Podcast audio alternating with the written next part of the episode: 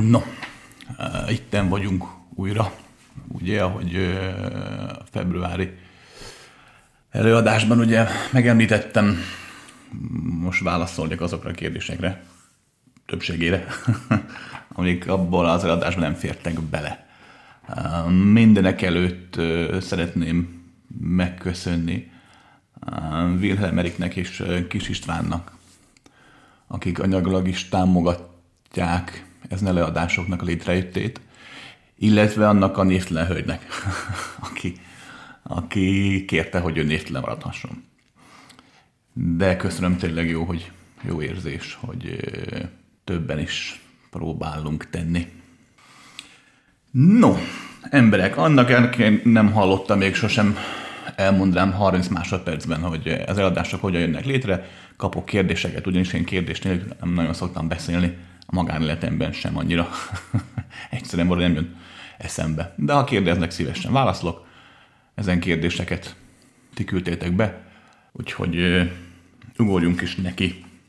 Kedves Krisztián, már hosszú évek óta megkeseríti az életemet a düh. Nagyon könnyen felkapom a vizet, és ezzel sokszor olyan embereket bántom, akiket szeretek. Tudnál segíteni, hogy hogyan tudnék ettől rossz megszabadulni?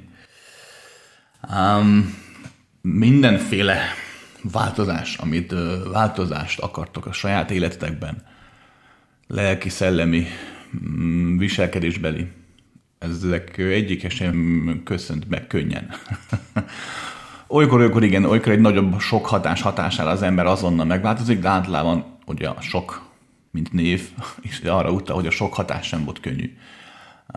Maga a változás sosem egyszerű. Nem lehet úgy, hogy meghallgatsz egy pár okos vagy oktalan mondatot, oké? Okay? Tehát magaddal kell mindenki foglalkozni. Kettő az este többségében, hiszen te is intelligens ember vagy, már látod, mi a probléma. Épp ezért az este többségében nem egyedül, hanem megéri valakivel közösen haladni. Lehetőleg egy tapasztaltabb, bölcsebb emberre lehet egy jó pszichológus, aki nem csak az elmét, hanem a lényt, a lelket is képes valamilyen szinten szemlélni. Lehet egy nagy bölcs guru, vagy akár csak egy jó barátod, feleséged, férjed, bárki, aki, aki szeret és képes támogatni. Az is tény, hogy bizonyos változásokat egy idegennel könnyebb megélni, mert épp hogy a szeretet miatt bizonyos dolgokat nem tudsz vele megtapasztalni. De sok változásban meg könnyebb úgy haladni, hogyha egy szerető barát vagy a társ támogat. Oké? Okay? Maga a dühkezlési probléma az alapvetően nem nehéz, csak tehát nem nehéz megérteni az egészet, és nem is nehéz tőle megszabadulni, csak nem könnyű. Ugye a düh érzés ugye egy iránytalatlan, kontrollálhatatlan valami. Egyszer csak megjelenik mindenkinek, meg, mindenkinek iránytalatlan. Valaki a kisebb-nagyobb hullámait képes uralni, képes elnyomni, de attól még ott van. Úgyhogy ezt először is el kell fogadnod, hogy emiatt nem vagy hibás tehetsz ellene, tehát a felelősség a változásra az a tiéd, de ne tekints magad hibásnak vagy rossz embernek, oké? Okay? Kettő. Az estek többségében ez, hogy valaki úgymond túlzott dühvel reagál túlságosan sok területén az életnek. Ez általában gyerekkorban alakult ki, méghozzá hosszabb, hosszabb traumatizálás, tehát hosszabb hatásoknak köszönhetően. Lehet kisebb fájdalom is a háttérben, egyszerűen csak mondjuk megtanultad, hogy így kell magad kifejezni valaki szülőtől, vagy számodra fontos embertől, de az este többségünk inkább arról van szó, hogy annyi fájdalom, bántás, megaláztatás és bármilyen típusú destruktív, tehát romboló érzés született meg benned, ami miatt kilakult ez a fajta reakció. Egyfajta menekülés ugye a valóság elől. Hiszen, hogyha dühös vagy, akkor nem látsz semmit és senkit csak ugye a dühvé válsz, tehát a dühvel leszel azonos.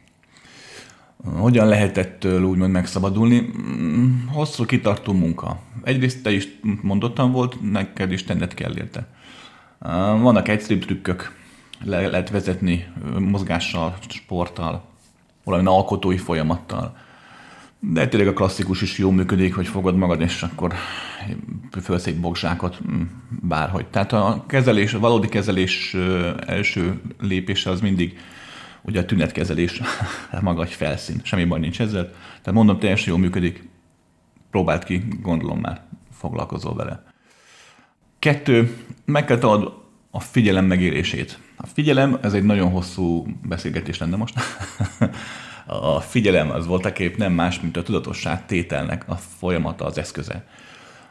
Mm, aki megtanul magára figyelni, az nem egyből, hát hangsúlyozom, nem azonnal, de egy idő után képes arra, hogy a, maradjunk a példánál, a dühe megjelenése előtt már tisztában legyen azzal, hogy most dühös lenne, ha lenne, és nem lesz. De ez egy éveken áttartó uh, útnak az egyik, hogy fogalmazza, az egyik pozitív, áldásos mellékhatása. Ezt így most nem fogom tudni neked elmesélni, hogyan kell megtalálni a figyelmet, majd hogyha lesz uh, újra élet, akkor úgy is fogok tartani, hogy egy hosszabb lélegzetvédelő kurzust erről, mert nagyon sokan kérik. De hát figyelem maga jó működhet. Három. Azt is egy lehetőség, hogy fogod magad és univerzálisan összességében egyre inkább egyfajta bölcsebb és nyugodtabb létezés felé fordulsz. Magyarán nem csak a dühödet akarod kezelni, hanem az egész lényedet úgymond egészében hagyod, hogy változzon. A változás mindig kétirányú. Egyik maga a változás, ami bekövetkezik tőled függetlenül, más pedig a változtatás, ugye, amikor te próbálsz változni, amikor te akarsz változni. Mm, rengeteg módszer működhet, egyszerűen maga csak az akarat, másrészt az is segíthetne legyél dühös, másrészt amikor dühössé váltál újra, akkor tudatosat teszed magát az élményt, ami volt az előbb, megbocsátasz magadnak, bocsánatot kész másoktól, és uh, próbálsz figyelni a következő hullám előtt már, hogy nyakon csillag dühödet. Mm, ezek kisebb apró trükkök, bármelyik uh, működhet. Nyugodtan olvas utána a témának, uh, akár az önfejlesztő irodalomtól kezdve zálagosan a, a pszichológia legújabb víványaig. Um, vannak egész jól működő technikák, technológiák, amiket többek között az ilyen titkos fegyveres erők is kifejlesztettek, hogy hogyan tartsák kordában az érzéseiket, mert hát ugye nem engedhetik meg magának, hogy akció közben az érzelmei eluralják. Mm, de a sokkal fontosabb így zárásnak az, hogy meg tudod írni ezt a levelet. Ez azt jelenti, hogy tudsz róla. Ez azt jelenti, hogy a folyamattal tisztában vagy, és változni szeretnél. És ez azért lényegesebb minden technikánál, trükknél, vagy magánál a változásnál is. Azért lényegesebb, mert ez azt jelenti, hogy valódi vagy. Ugyanis a düh érzésével vagy te az, aki vagy.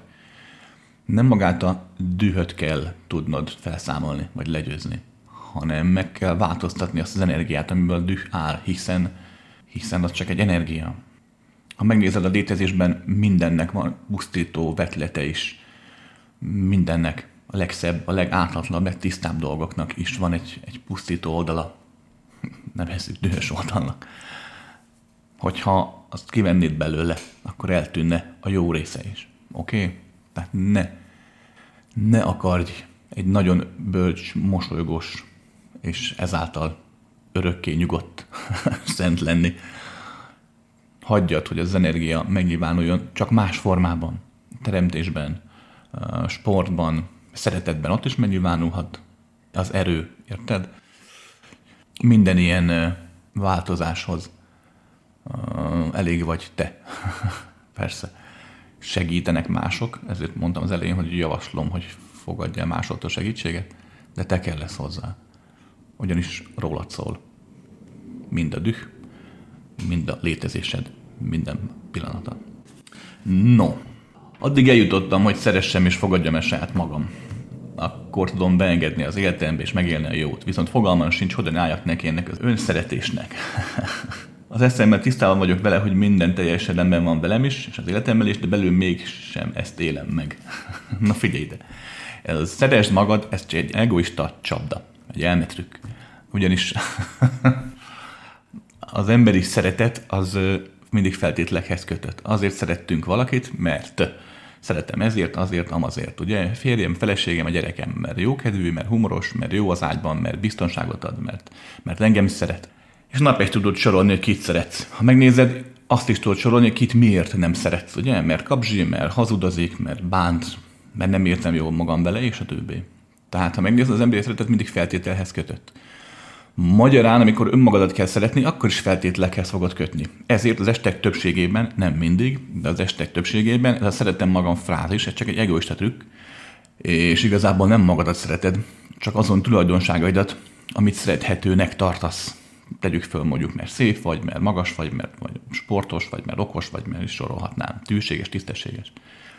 Kettő, az önszeretet az estek többségében sem belőled fakad, hanem másból, másokból, általában rokonoktól, barátoktól, mm, vagy a tágabb környezetettől, munkatársaktól kapod, mégpedig úgy, hogy amit ők benned szeretnek, vagy amik ők benned látványosan nem szeretnek, te azokat a tulajdonságodat tartod nagyra, és akkor azokat kezded el úgymond szeretni.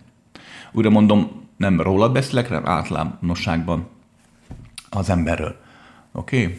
De természetesen módon van egyfajta nevezők, hogy szeretem magamat érzés. Ez pedig nem más, mint maga a szeretet, mint maga a szeretet. Tehát amikor nem jut eszedbe a szó, hogy magamat szeretem, hanem egyszerűen csak, csak szeretsz. A szeretetben vagy, a szeretetté válsz, és kész. És akkor a szeretetet élet, hiszen az vagy, ugye? Mert hát logikus, hogyha valaki alma, akkor tud almát élni. Ha valaki róka, akkor rókát tud élni. Ha valaki ember, akkor ember tud élni. Ha te szeretet vagy, akkor szeretetet tudsz élni, hát nem tudsz mást. Oké? Okay? Um, ide eljutni bármilyen úton módon el lehet, mm, sőt, előbb-utóbb minden élőlénynek törvényszerű, hogy a szeretetté váljon, inkább utóbb, mint előbb. Um, gondolom, te szeretnéd kicsit felgyorsítani.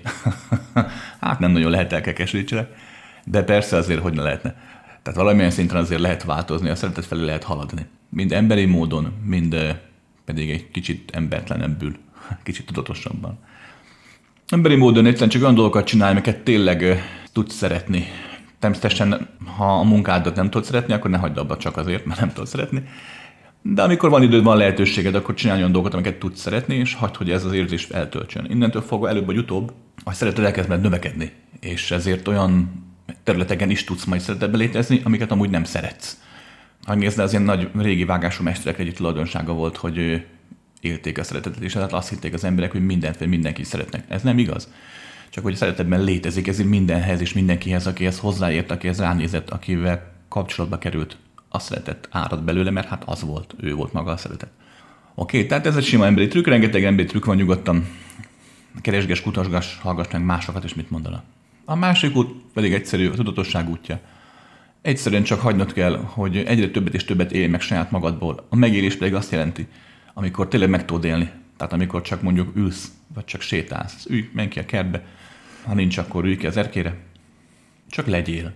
Nézd a mesterségbe, és hagyjad, hogy ami benned van, az ott legyen. Hagyjad, hogy egyre több és több tartalom töltsön el téged a saját csendedben, az életedben. Emberként, mikor rohanunk, mikor cselekszünk, akkor csak létezünk. Az is jó, de csak létezés. Az élethez a megélés kell. Ugye a magyar nyelv ebben nagyon zseniális. Magában a nyelvben. Tehát megélés pedig az jelen kell lenned, ott kell lenned, önmagadat kell tudni megélni. Oké? Okay? Ez eleinte sokkal könnyebben megy, hogy mond nem csinálsz semmit, csak sétálsz, vagy csak ücsöröksz, vagy csak úgy fekszel. Aztán később már a cselekedeteidben is ott lesz az, aki vagy. És mivel te, mint mindenki más a mindenségben. A szeretetből vagy, maga a szeretet vagy. innentől fogva, ha magadat meg tudod élni, nem tudsz mást megélni, csak a szeretetet, és innentől fogva már úgymond fogod tudni magad szeretni is, mert hát ki mást szerethetnél, hanem saját magadat, és hát ugye ezáltal szeretni fogsz tudni másokat is. Szia Krisztián, honnan tudom biztosan megtaláltam a hivatásomat? onnan, hogy vagy jól érted magad benne, vagy nagyon nem érted jól magad benne. Mind a kettő jó. De figyelj ide, a hivatás az egy olyan dolog, hogy a forma az változik, akkor is, hogyha a hivatásod tényleg a lelkedből fakad. Magyar ne egy formához ragaszkodj soha, hanem a érzéshez, amit neked a hivatásod ad. Ha valaki nem csak dolgozik, hanem tényleg a elhivatott, tehát a lelkéből létezik, és a tetté belőle fakadnak, annak mindig van egyfajta minősége, egyfajta ilyen ünnepélyes minősége. Úgy érzed, hogy úgy, úgy valamit úgy, úgy teszel valamit, hogy benne vagy a mozlatében, benne vagy a szavaidban. Oké? Okay? De hangsúlyozni szeretném, a forma maga változhat, sőt általában változni is szokott, tehát ne ahhoz ragaszkodj, maga a megélés, a belső megéléshez. Rendben van.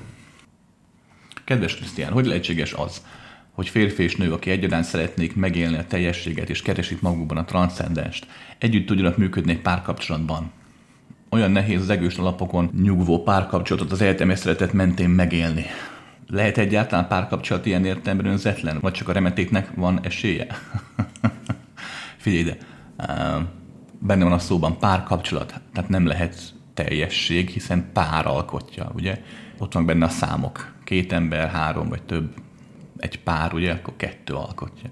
Kettő a kapcsolat akkor jön létre, amikor ö, valakik létrehozzák, és ezáltal már háromról beszélünk. Tehát egy ember, másik ember és maga a kapcsolat.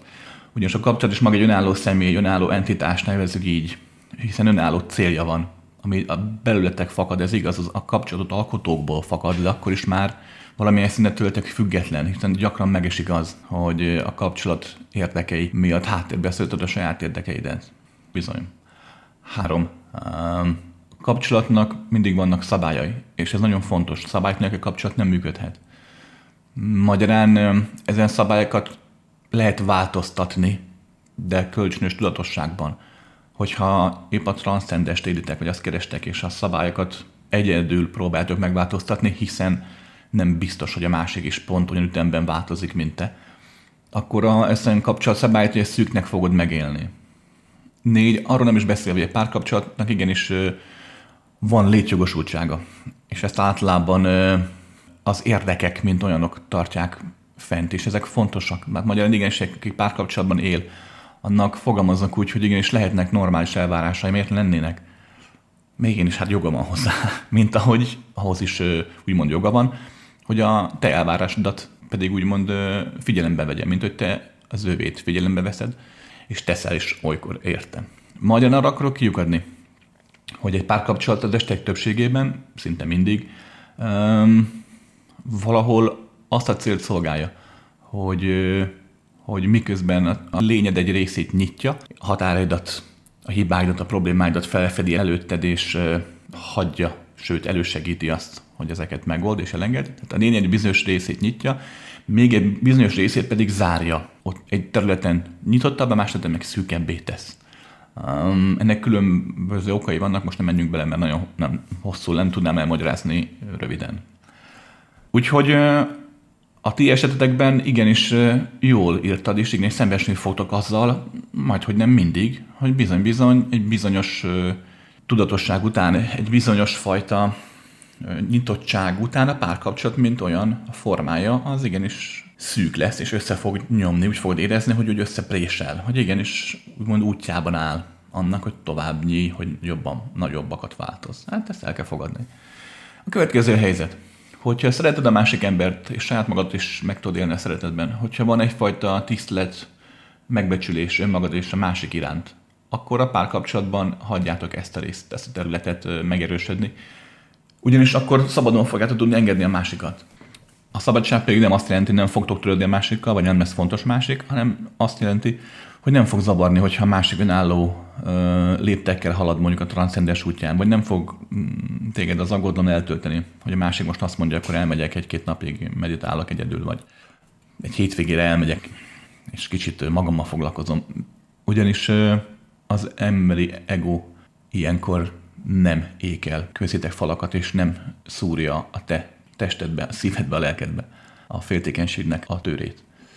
Úgyhogy öm, abban a pillanatban, hogyha külön tudtok transzcendensen változni, abban a pillanatban együtt is fogtok tudni. Érted? Tehát az egység, a kettőtök egység megéléséhez az kell, hogy az egységet megéljétek mindenben, mindennel. Nincs olyan, hogy csak vele vagyok végtelen. hogy lehetne ezt, érted? Úgyhogy nem arra kell törekedni feltétlenül, hogy a másikkal éld meg a határtlanságot, hanem éld meg határtlanságot, és akkor meg fogod tudni élni a másikkal is, és ő is veled. Rendben van. Nagyon sokan mondják, hiszik azt, hogy megvilágosodni, úgymond, vagy megélni a végtelent, határtlanná válni, az csak egyedül lehet. Ez nem igaz. Nem feltétlenül igaz. Um, lehet egyedül is, és lehet párkapcsolatban élve is. Ez nem zárja ki egymást a kettő. Tény, hogy az emberi elmétnek a figyelmét párkapcsolatban mások kötik le jobban. Ugye a másikra kell figyelni, napi rutin, ugye a hétköznapok idézőjelbe, taposómalma, gyerek, és ezzel az ember azt éli meg, az elméje azt éli meg, hogy nem tudok eleget figyelni a spiritualitásra vagy a transzcendesre. De ez csak elmetrük. Valójában a spirituális transzcendesre sem az elméddel figyelsz, ugye ez csak megéled belül. Már pedig a belső megéléshez nincs úgymond köze a külső formának, magyarán is a pároddal, párkapcsolatban is, gyerekneveléskor is, a házi munkánk közben is meg lehet élni a transzcendens határtlanságot. Rendben. Szia, Krisz! Régóta foglalkoztat a téma, hogyan tehetünk bármit is. Létezik valaki, aki tehetne valamit? Tapasztalom azt mutatja, hogy az élet nem úgy zajlik, ahogy szeretnénk, inkább csak történnek a dolgok. Úgy, ahogy épp történnek, és nincs senki, aki irányítaná. És sokaknak ijesztő, nekem felszabadító. valóban igazad is van. A létezésben, és ezért nehéz megérteni emberi elmével, a létezésben egymással szemben álló erők működnek, ezek alkotják az egységet, tehát a harmóniát egymással, egymással ellentétesnek látszó hatások tartják fenn. Valóban arról van szó, hogy az életben történik úgymond minden, és az ember, az élőlények, mindenki, a szellemnek, az angyalok, az ördögök, mindenki csak úgymond sodródik benne, és valóban arról is szó van ezzel szemben, hogy igenis van lehetőséget cselekedni, és van lehetőséget tenni, teremteni, létrehozni dolgokat, megélni a létrehozás élményét. Mind a kettő igaz. Valahogy képzeld el azt, hogy te vagy azt néz a színpadon. Az, hogy hátad mögött éppen elhúzzák a munkások a díszletet, és egy másik díszletet tesznek be. Az, hogy a zene, amikor megszólal, hogy most épp vidám zenét hallasz, komoly zenét hallasz, szomorú zenét hallasz. Ezek nem rajtad múlnak. De hogy a szerepedet hogyan játszod, mert ugye még a szerepet sem rajtad múlik annyira, mert megkapod, elvállod, nem vállod el, de általában adják, hogy na, akkor te most hőszerelmes játszol. Vagy szegényet, vagy gazdagot, vagy valsorsos embert. Tehát, de azt, hogy ezt hogyan játszod, az már rajtad áll. Oké? Okay? Tehát az életben is így vagyunk, hogy vannak lehetőségek mindenre, és valójában pedig semmire. de ez ne zavarjon. Nagyon tartalmas és végtelenül szabad létezés lehet így megélni. A végtelen szabadság hiánya ellenére. Mi valójában az immunrendszer, és hogyan működik orvos és nem orvos nézőpontból? Mi hozta létre magának az emberisnek a mostani helyzetét, a járványt?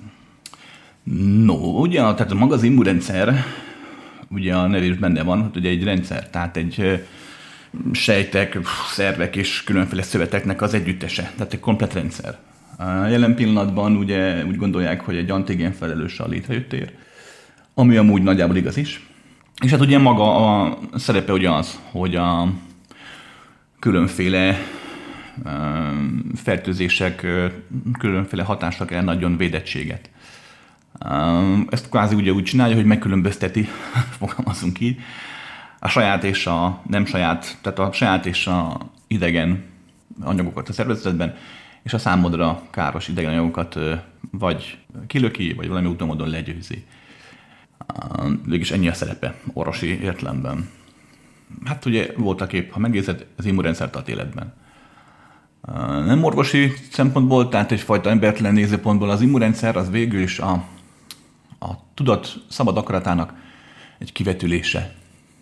Azért jön létre, úgy jön létre, hogy, hogy a tudat egyszerűen megtestesíti önmagát, fogalmazunk így, ugye?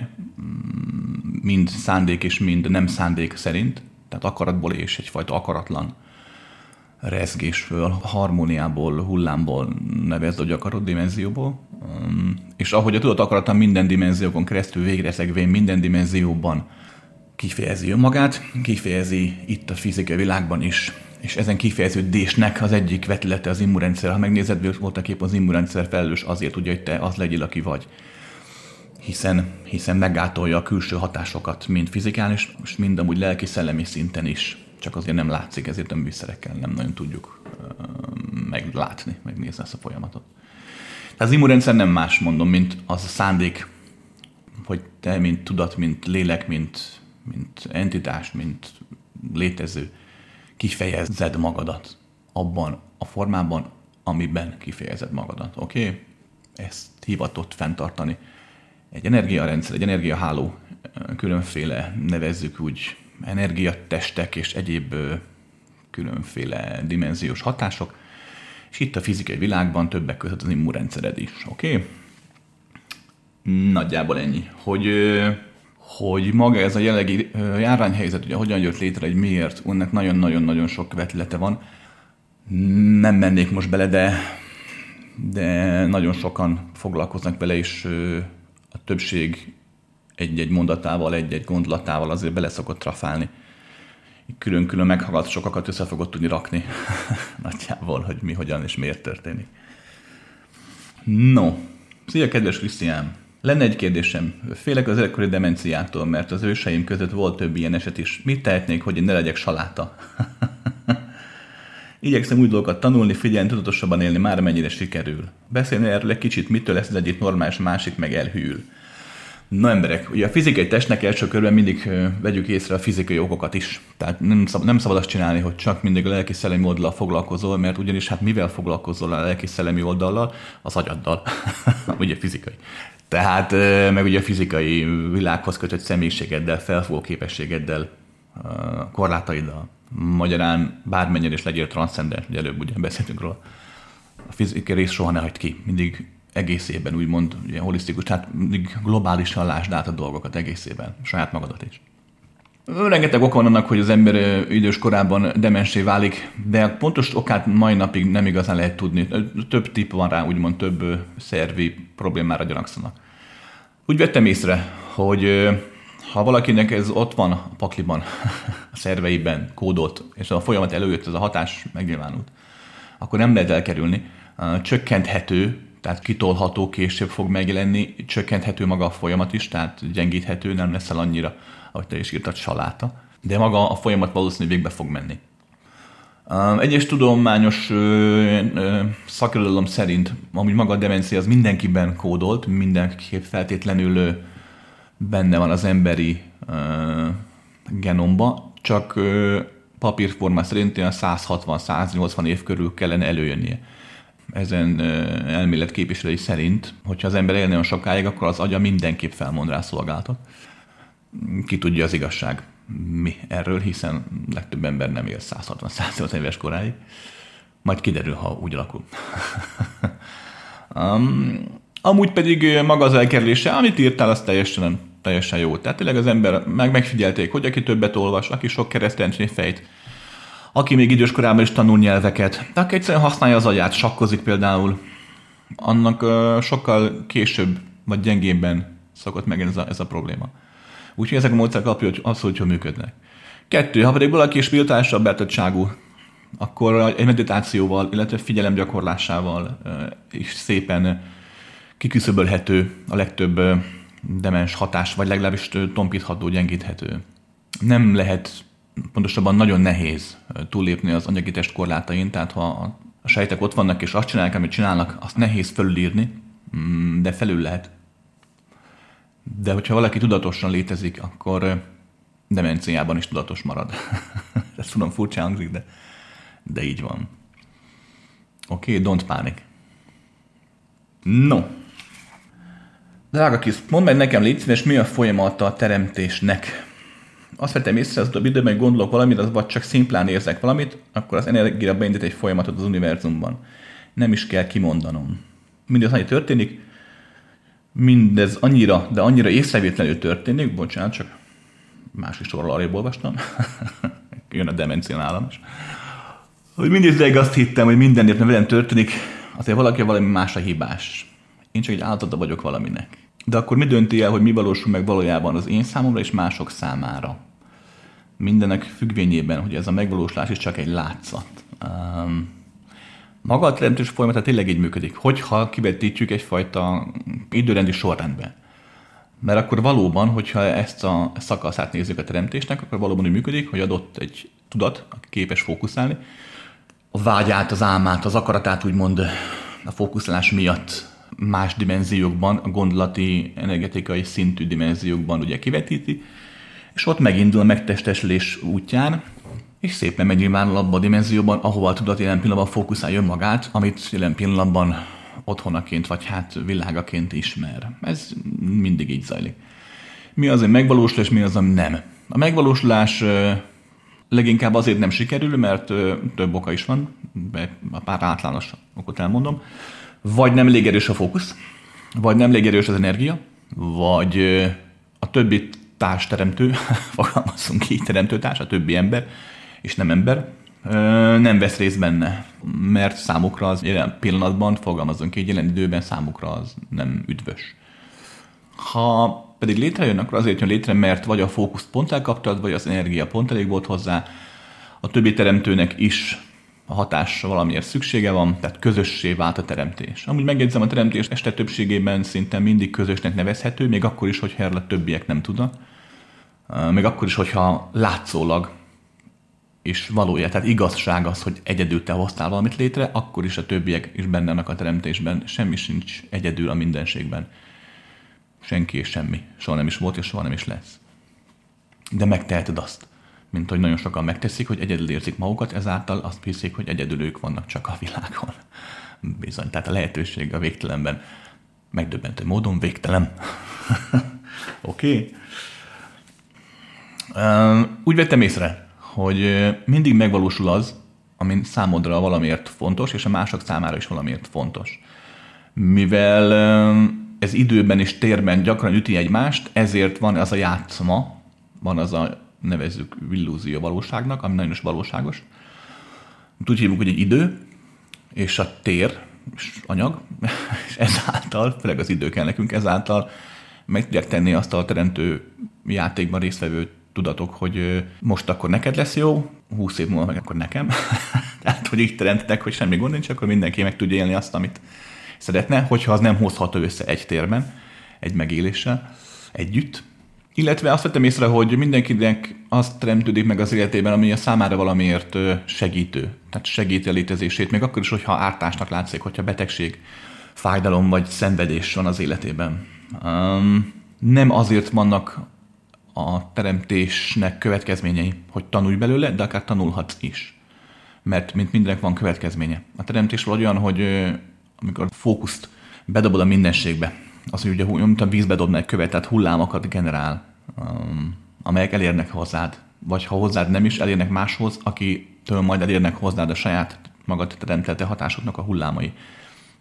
Ott a karmának is egyfajta definíciója lehetne, tehát okokozati okokozati hatás. Úgyhogy bármi is történik az életedben, az tényleg rendben van. Nem mondom, hogy jó, és azt sem mondom, hogy mindig mindent el kell fogadni. Jaj, dehogy, igen, és lehet tenni, lehet harcolni. Hát, hogy ne lehetne, mindent lehet, azt csinálsz, amit akarsz. Csak ugye tudd, hogy minden gondolat, érzelem, minden teremtés, mindennek a hullámai el fognak jutni hozzád. De ez, újra mondom, ne szegje kedved, tehát ne csináld azt, hogy akkor leülsz egy barlangba, befalazod kívülről, belülről, kívülről kapod a kaját egy lukon, és ott élsz, hogy ne kelts hullámokat a mindenségbe, amik visszajutnak hozzád, mert így is keltesz hullámokat, és így is vissza fognak jutni hozzád. És újra mondanám, már sokszor mondtam, pont ez a létezésnek az értelme, hogyha tényleg csak az lenne a létezés értelme, hogy legyen egy nagy végtelen, nagy fénylő paca, akkor nagy végtelen fénylő pac lenne, és nem csinálna senki semmit. De láthatóan nem így van. Tehát láthatóan igenis az az létezésnek a valósága, hogy minél végtelenebb formában, minél végtelenebb hullámokon keresztül nyilvánuljon meg a mindenség. Hát persze, minél változatosabban. Úgyhogy nyugodtan bátran használod a teremtő erődet, és amikor úgy alakul, akkor megkerüld el a számodra kellemetlen hatásokat, vagy éppen forgas vissza, vagy éppen alkos belőlük egy újabb teremtést, egy újabb dimenziót. Kedves Krisz, nagy dilemmában vagyok egy ideje. Sok hitrendszer ütközik bennem, és úgy érzem, megcsömörlettem. Az egyik azt mondja, tisztítani kell a bennünk lévő romboló érzelmeket, előzületek hatása vannak ránk, karmát kell oldani, stb. A másik nem foglalkozik ezekkel, jelenben kell lenni, nincs betegség, az egész egy álom. Önismereti úgy jobb emberé kell válni, tökéletesedni kell, nem ártani, ne okoz több karmát. És segíts kérlek bennem helyrakni ezen a dilemmát. Ugye arra gondolsz, hogy melyik utat járd, az egymásnak teljesen ellentétes egymással szemben álló úgymond ambivalens tanítások közül. Hát igen, én mindig elmondom, hogy nagyon fontos az ember életében az, mikor elkezd tanulni, hogy járjon egy utat, ugye, egy, higgyen egy valamilyen vallásban. kövessen egy tanítást. Nagyon fontos. De egy idő után már nem lényeges. Fontos, de már nem lényeges. Ugyanis minden út, ami nem erről a dimenzióról szól, az egyrészt igaz, másrészt pedig téves. Hiszen olyan más dimenziós igazságokról szólnak ezek az utak, amikről nem szólhatnának, hiszen nem lehet leírni, nem lehet elmesélni, hiszen az írás, a szó, ugye, az teljesen más dimenzió, sokkal korlátoltabb, mint sem az anyag mögött meghúzódó valóságok és igazságok. Hát gondolj bele, hogy most a szavamiat hallgatod, ezek a szavak is, ugye, hát eh, időben és térben korlátozottak, ugye egymás után jönnek a hangok szépen sorra. Hogy mondhatnék el valamit, ami nem egymás után van, hanem egyben létezik a mindenségben? Hát nem tudom átadni, nem lehet átadni. Már az elmém is nehezen fogja föl, nem is nagyon használom olyankor, amikor, amikor nem világi eh, valóságokat élek, vagy beszélek róla, mert hát nem tud, az elme nem erre van kitalálva. Nagyon fontos megérteni a következőt. Ezen valóságok megéléséhez mindig járni kell egy utat, aztán azt mindig el kell tudni engedni. Majd járni kell egy újabbat, azt is elengedni, megint, megint elengedni. Mindaddig, amíg egyszer csak azt veszed észre, hogy már nem keresel egy utat, nem te saját magad vagy az út. Abban a pillanatban az van, ami van. Ugyanis a mindenség végtelen. Az univerzális igazságokat a benne élő létezők hozzák létre minél tudatosabb valaki, annál több más tudat számára lesz igazság az ő igazsága. Észesen veszed, mert törvényé válik a számodra azt, amit valaki, idézőjel mondom, hogy valaki úgymond kitalált. más dimenziókról beszélek már, nem erről. Pont az a lényege a fejlődésnek, hogy megéld azt, aki vagy, hogy a korlátaid feloldódásával, mindegy, hogy azt meditálással, technikával, vagy csak úgy történik. A korlát egy feloldódásával meg tud élni azt, aki te vagy, és ezáltal képes legyél többet és többet létrehozni önmagadból, egyre színesebbé tenni az univerzumot, és előbb vagy utóbb, annélkül, hogy te tudnál róla, előbb vagy utóbb mások számára te leszel az igazság. hát persze. Bizony. Oké. Okay. Mindent, mindig minden hitet engedj el, és csak azt éld meg benne, ami a valóság. Ez pedig a valóság. Ahogy kialakul egy újabb forma, ami tetszik, mert igaz, akkor nyugodtan higgy benne, de aztán nézd az igazság mögé, és meglátod, hogy a formák mögött mindig ott van egy újabb, egy hatátlanabb forma, egy még hatátlanabb igazság. Engedd el ilyenkor a régi formát, és nézd meg az újat. Vedd észre az újat.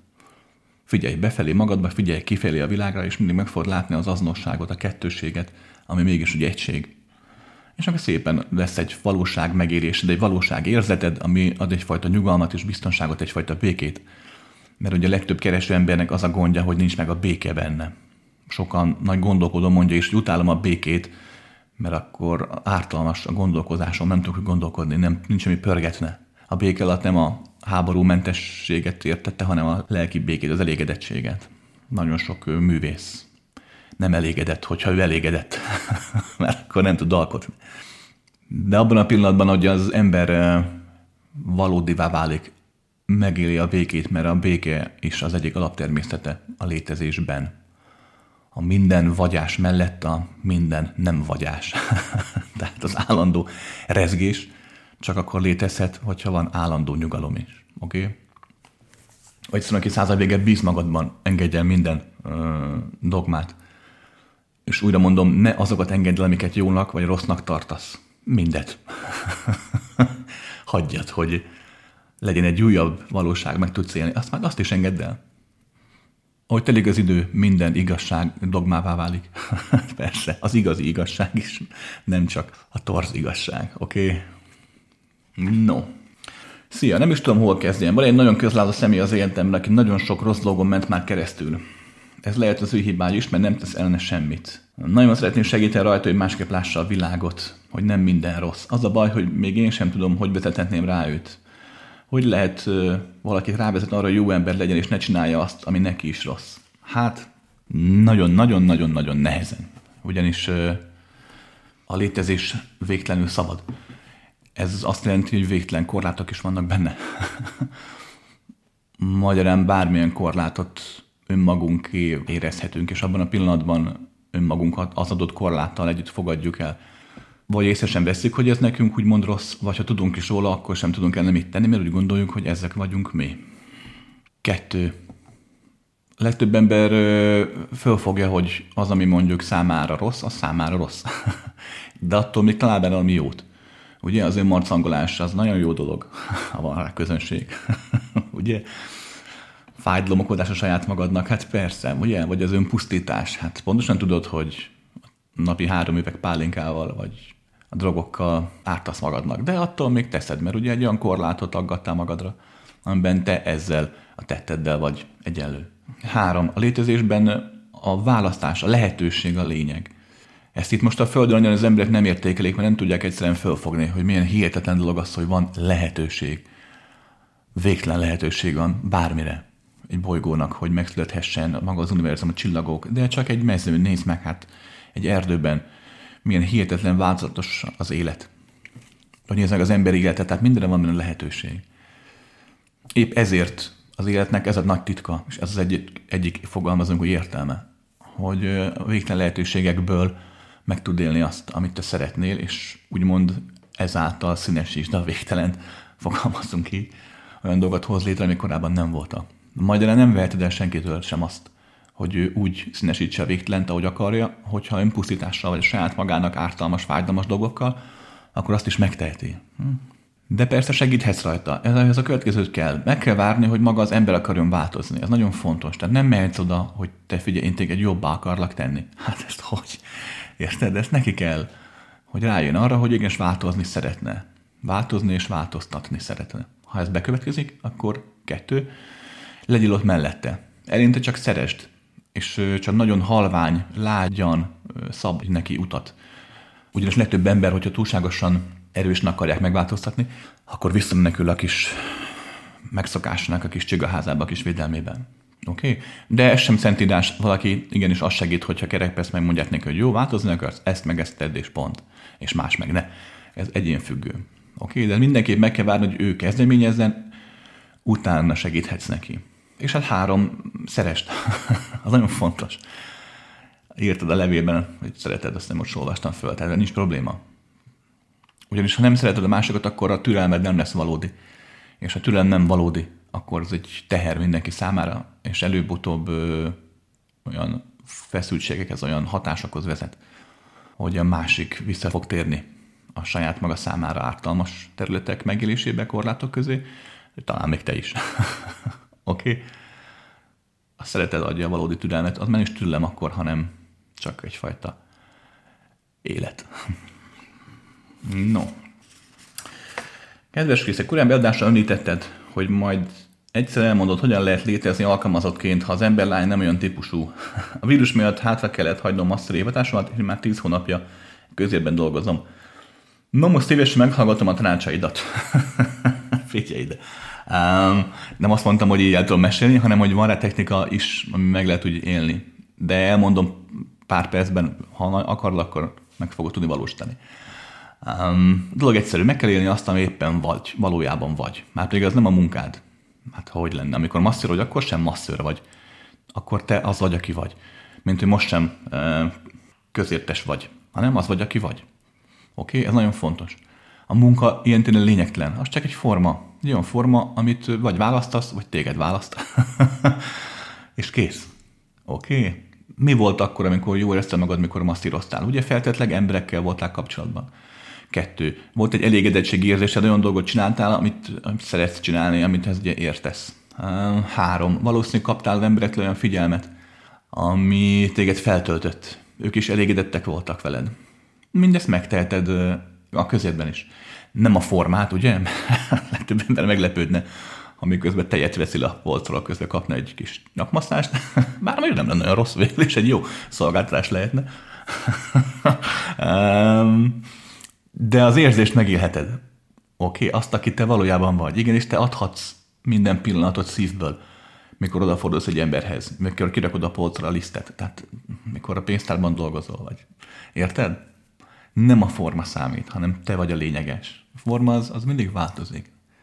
Te is változol, de te vagy maga a lényeg. A forma az csak a legjobb esetben csak fontos. Rendben? Kettő. Meg kell tudni élni, ezáltal meg is fogod amúgy, amit előbb elmondtam, a, egyfajta jelenlétet. nem szoktam mondani, hogy éld meg a jelent, mert az nem lehet, az csak egy rossz frázis. Jelennél lehet válni.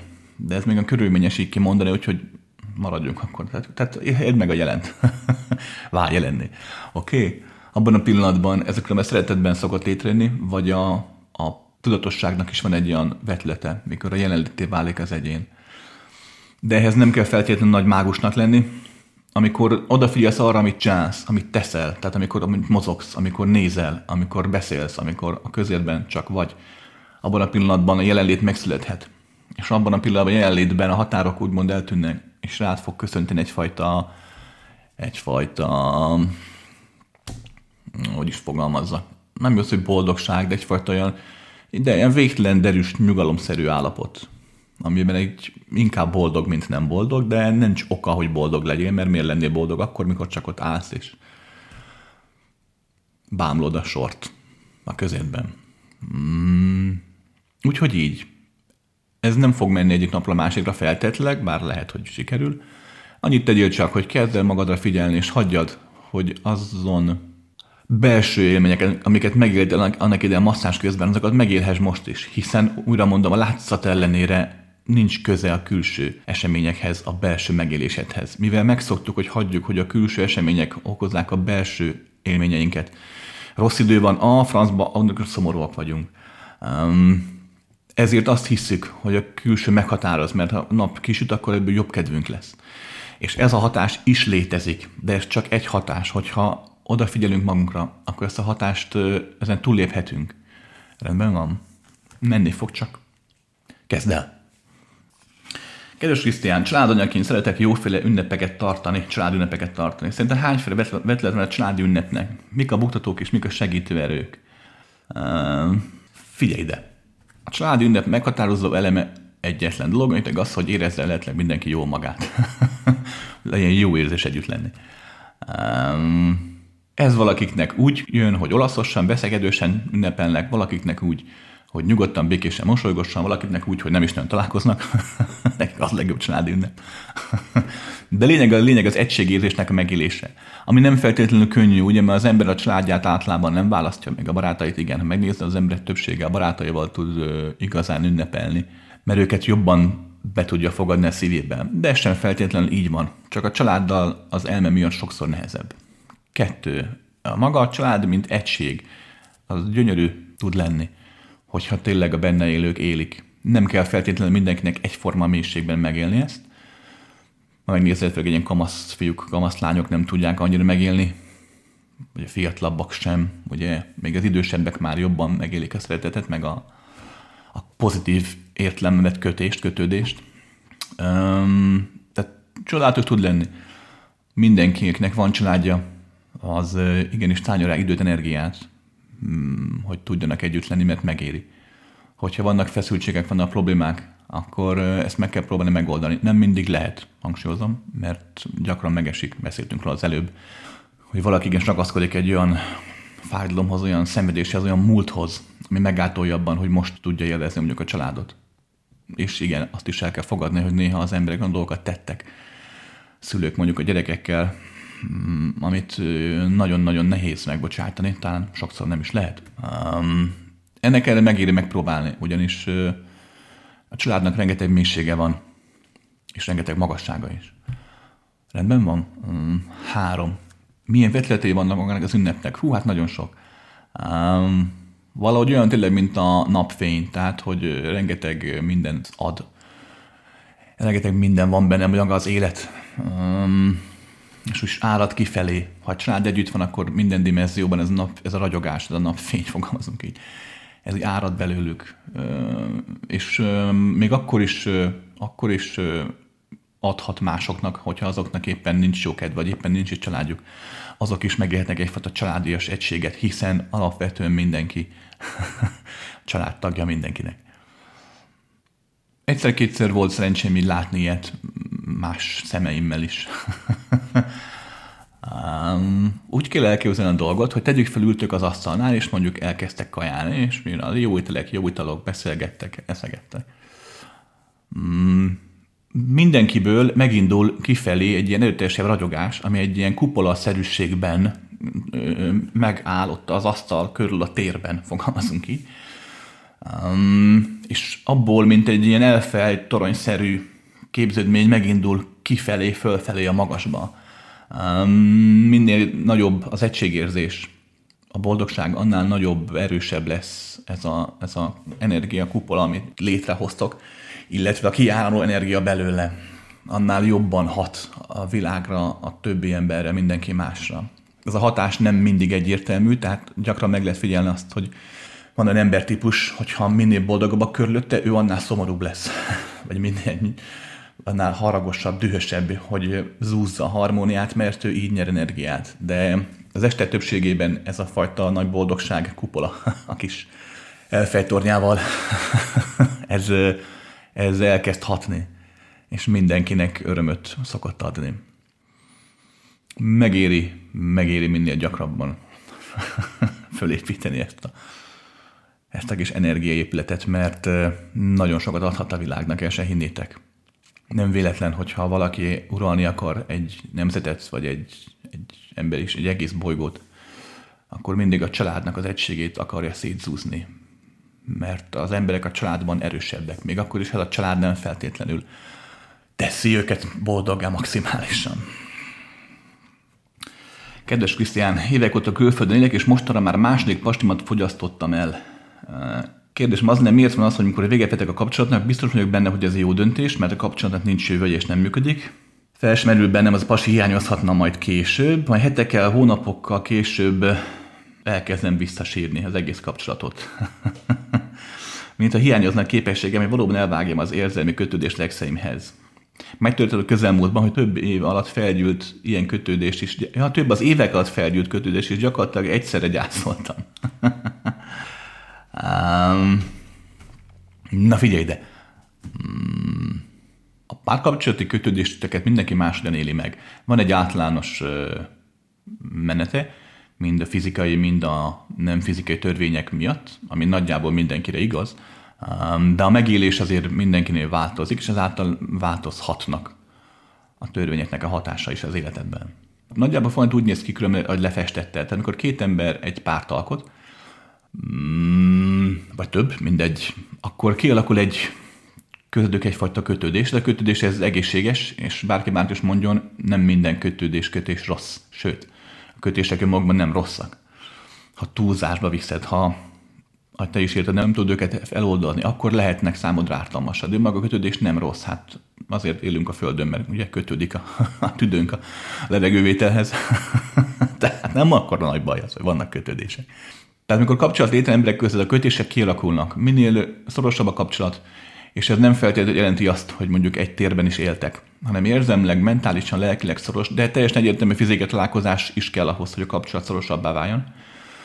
Annál több szál alakul ki, még a végül teljesen egy, egy aurában kezdtek el mozogni.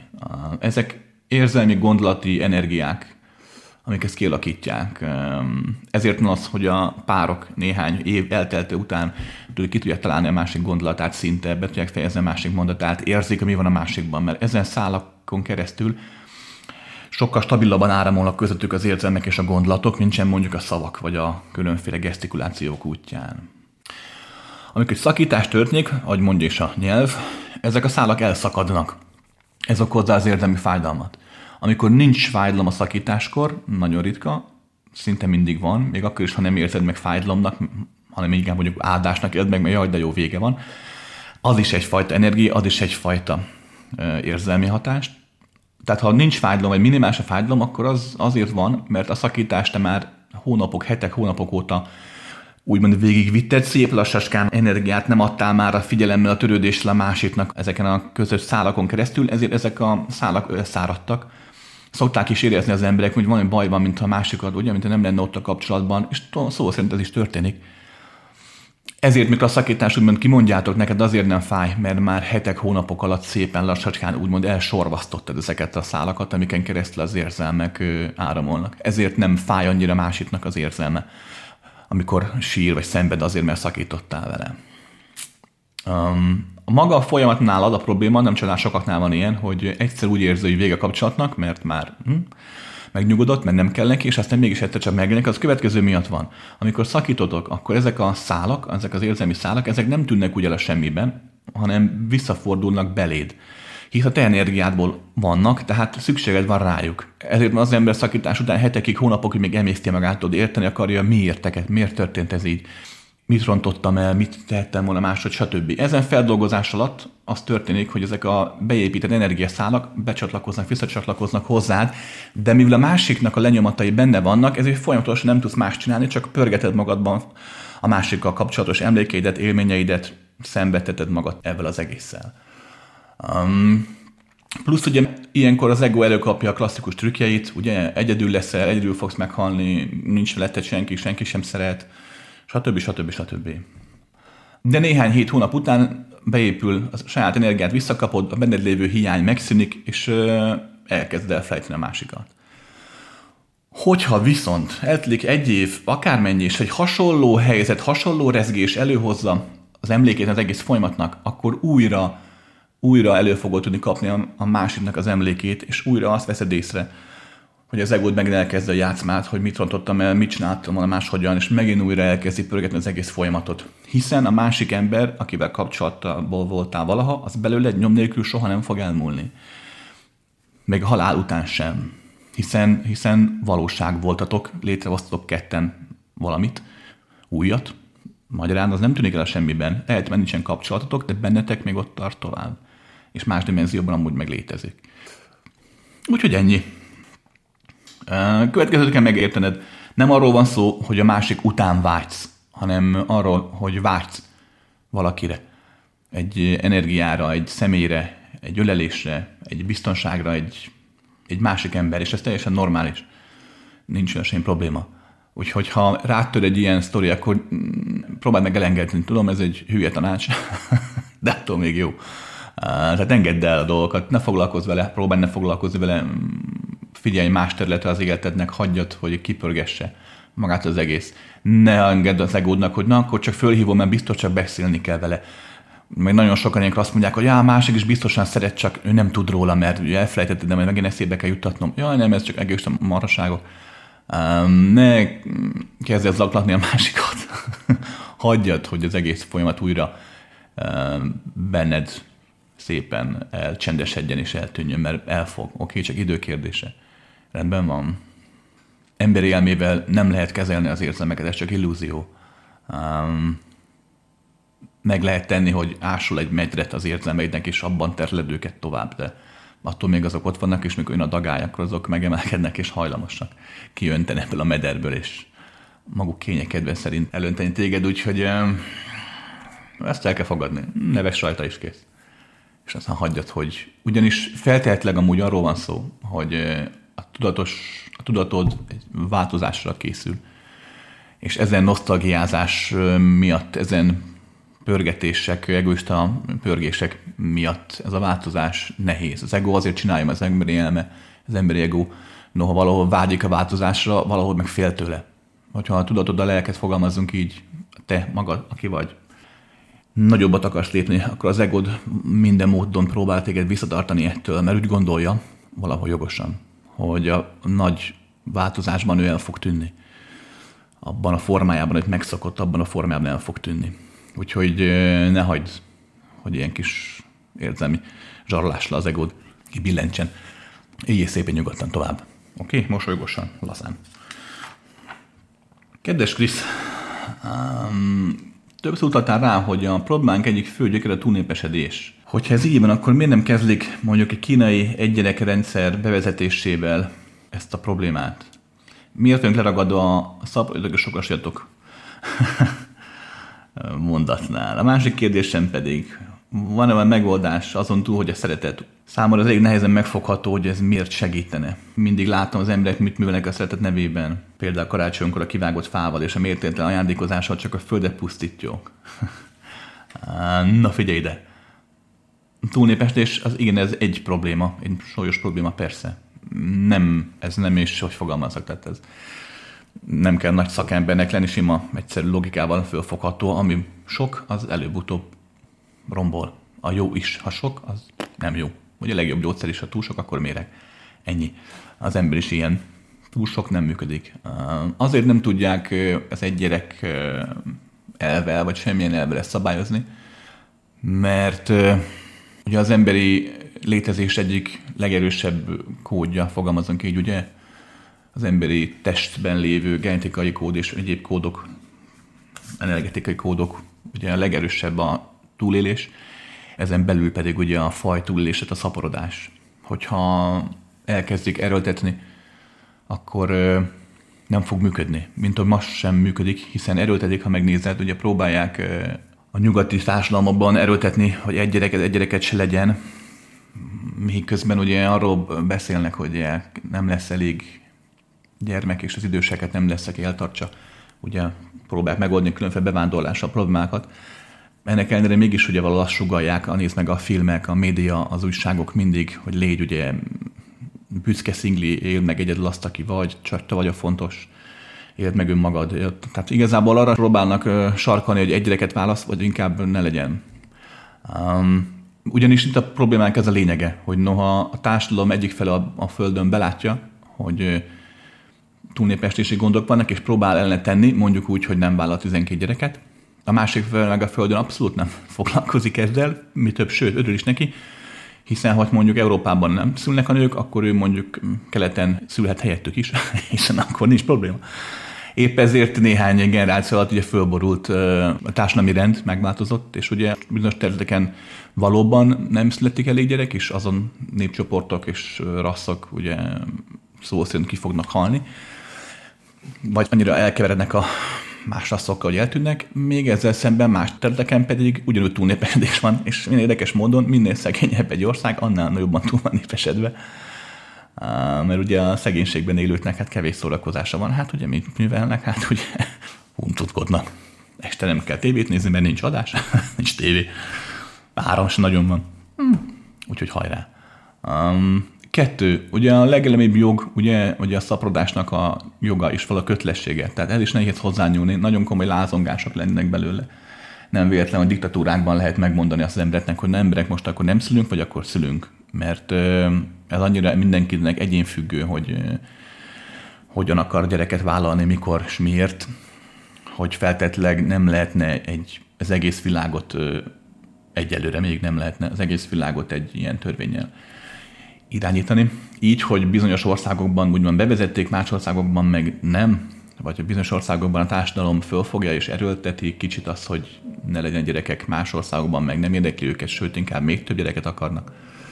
Így csak azt érték el, amit elértek ezzel, hogy most felborult egy bizonyos eddig meglévő társadalmi egyensúly. Nem azt mondom, hogy jó volt, vagy rossz volt, csak egyszerűen eddig volt, most már másmilyen van. Úgyhogy így. És figyelj ide, milyen megoldás a szereteten túl. figyelj ide, a szeretet az azért megfoghatatlan a számodra és mások számára is, mert meg akarjátok fogni. És amit meg akartok fogni, azt meg tudjátok, de az nem szeretet, az már nem az. Az már az, amit megfogtatok belőle, amit már kimertetek belőle magatoknak, a saját felfogó képességeiteknek köszönhetően. A szeretet azért megoldás mindenre, mert hatátlan érzés. És azért, mert valódi. És azért, mert az vagy. um, aki szeretetben tud létezni. Az együtt tud létezni mindennel, hiszen ő maga minden. Abban a pillanatban, ha az emberiség tényleg élné a szeretetet, abban a pillanatban pontosan tudná, hogy hogyan kezelje mondjuk ezt a túlnépestés problémát. Sőt, nem is jutottunk volna el idáig. Hmm. Nem az a szeretet, amit szeretetnek gondolsz, vagy amit sugároz fel a média, hogy szeresd a másikat, és akkor vegyél neki karácsonykor ajándékot. Bár az is tök jó dolog. A szeretet az nem a másik emberről szól, az nem rólad szól. A szeretet az, az végtelen, az mindenről és mindenkiről. mindenkiről szól. És ezáltal meg senkiről sem. A szeretet az nem egy kényszerítő erő, hogy ajándékot kell adni, vagy hogy úgy kell viselkedni, hogy a másiknak jó legyen, vagy de úgy viselkedsz, hogy a másiknak jó, jó legyen. Ezek csak formák, ezek csak a szeretetnek egy-egy vetletei. Egy-egy lapja a gyémántnak. Érted? Fogalmazzunk így.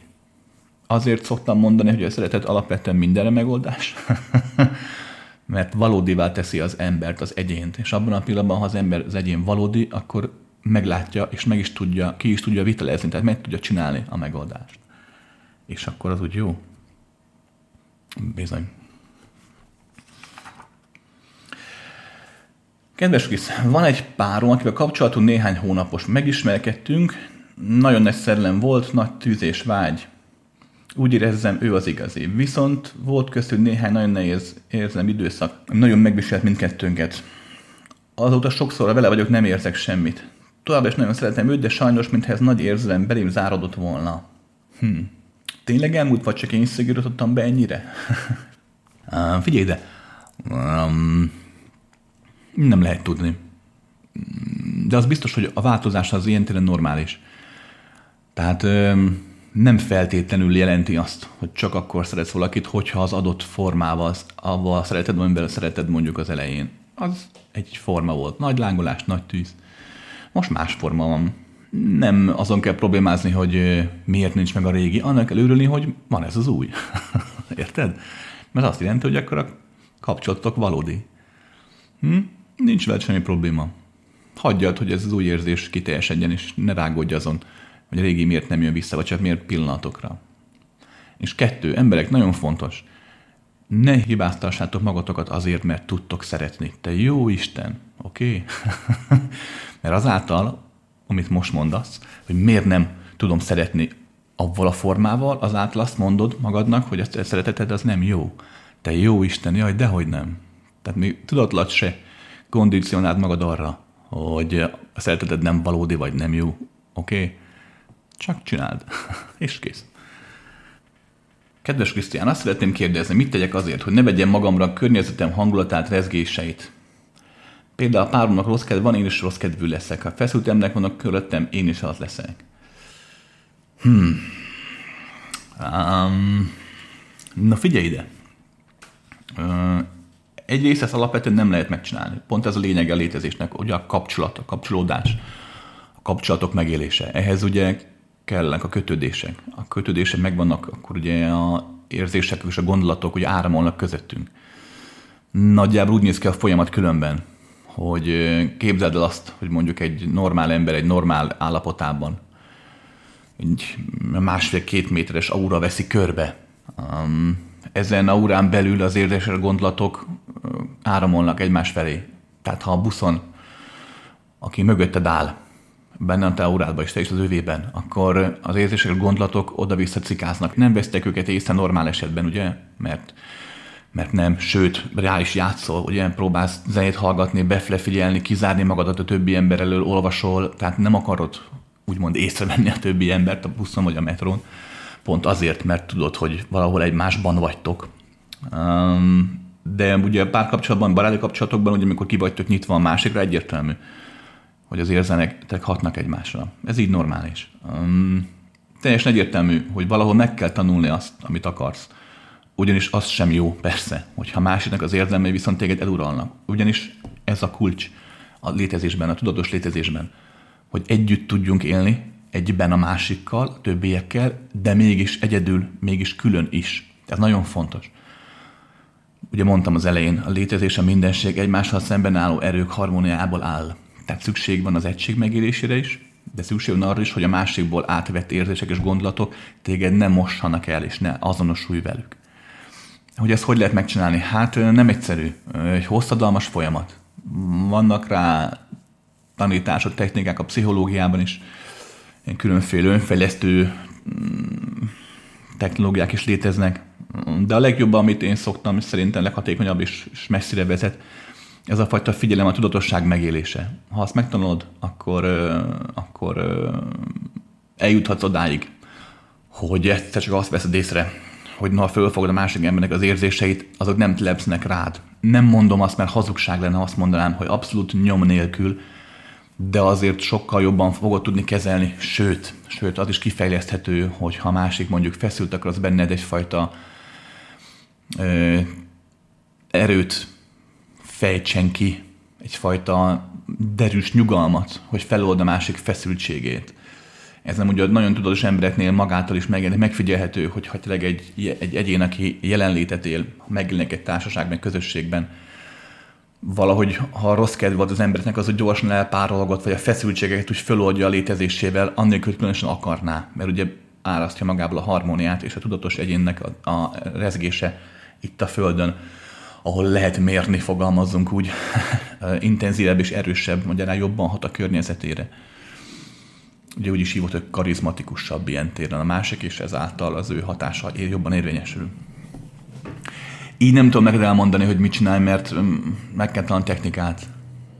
De amit most csinálsz, az is jó.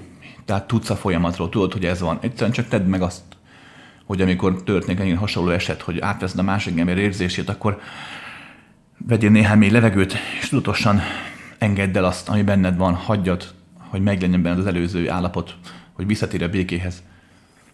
Hagyd, hogy a benned lévő öröm erősebb legyen, és akkor a másiknak az érzései nem vesznek olyan könnyen, nem söpörnek olyan könnyen el téged. Ez is egy megoldás, hogy az életed más területén erősödsz. Több boldogságot élsz meg, több időt adsz magadnak magadra, egyedül például. Úgy, mond, úgy szokták hívni most manapság divatosan én idő. nem pont erre gondolok, de a lényeg nagyjából ez. Tehát, hogy igenis így is töltekezhetsz. Ha te erősebb vagy, töltöttebb vagy, akkor jobban fogod tudni kezelni másoktól kapott érzéseket. Tehát ez is egy, ez is egy lehetőség. De mondom, hogy ha újra kezdjük végre az életet, akkor úgy is fogom tanítani hogy figyelem dolgot, ezt a jelenlétet, tudatosságot, és akkor el tudom magyarázni rendesen, meg rá tudom adni a technikát, hogyan kell csinálni.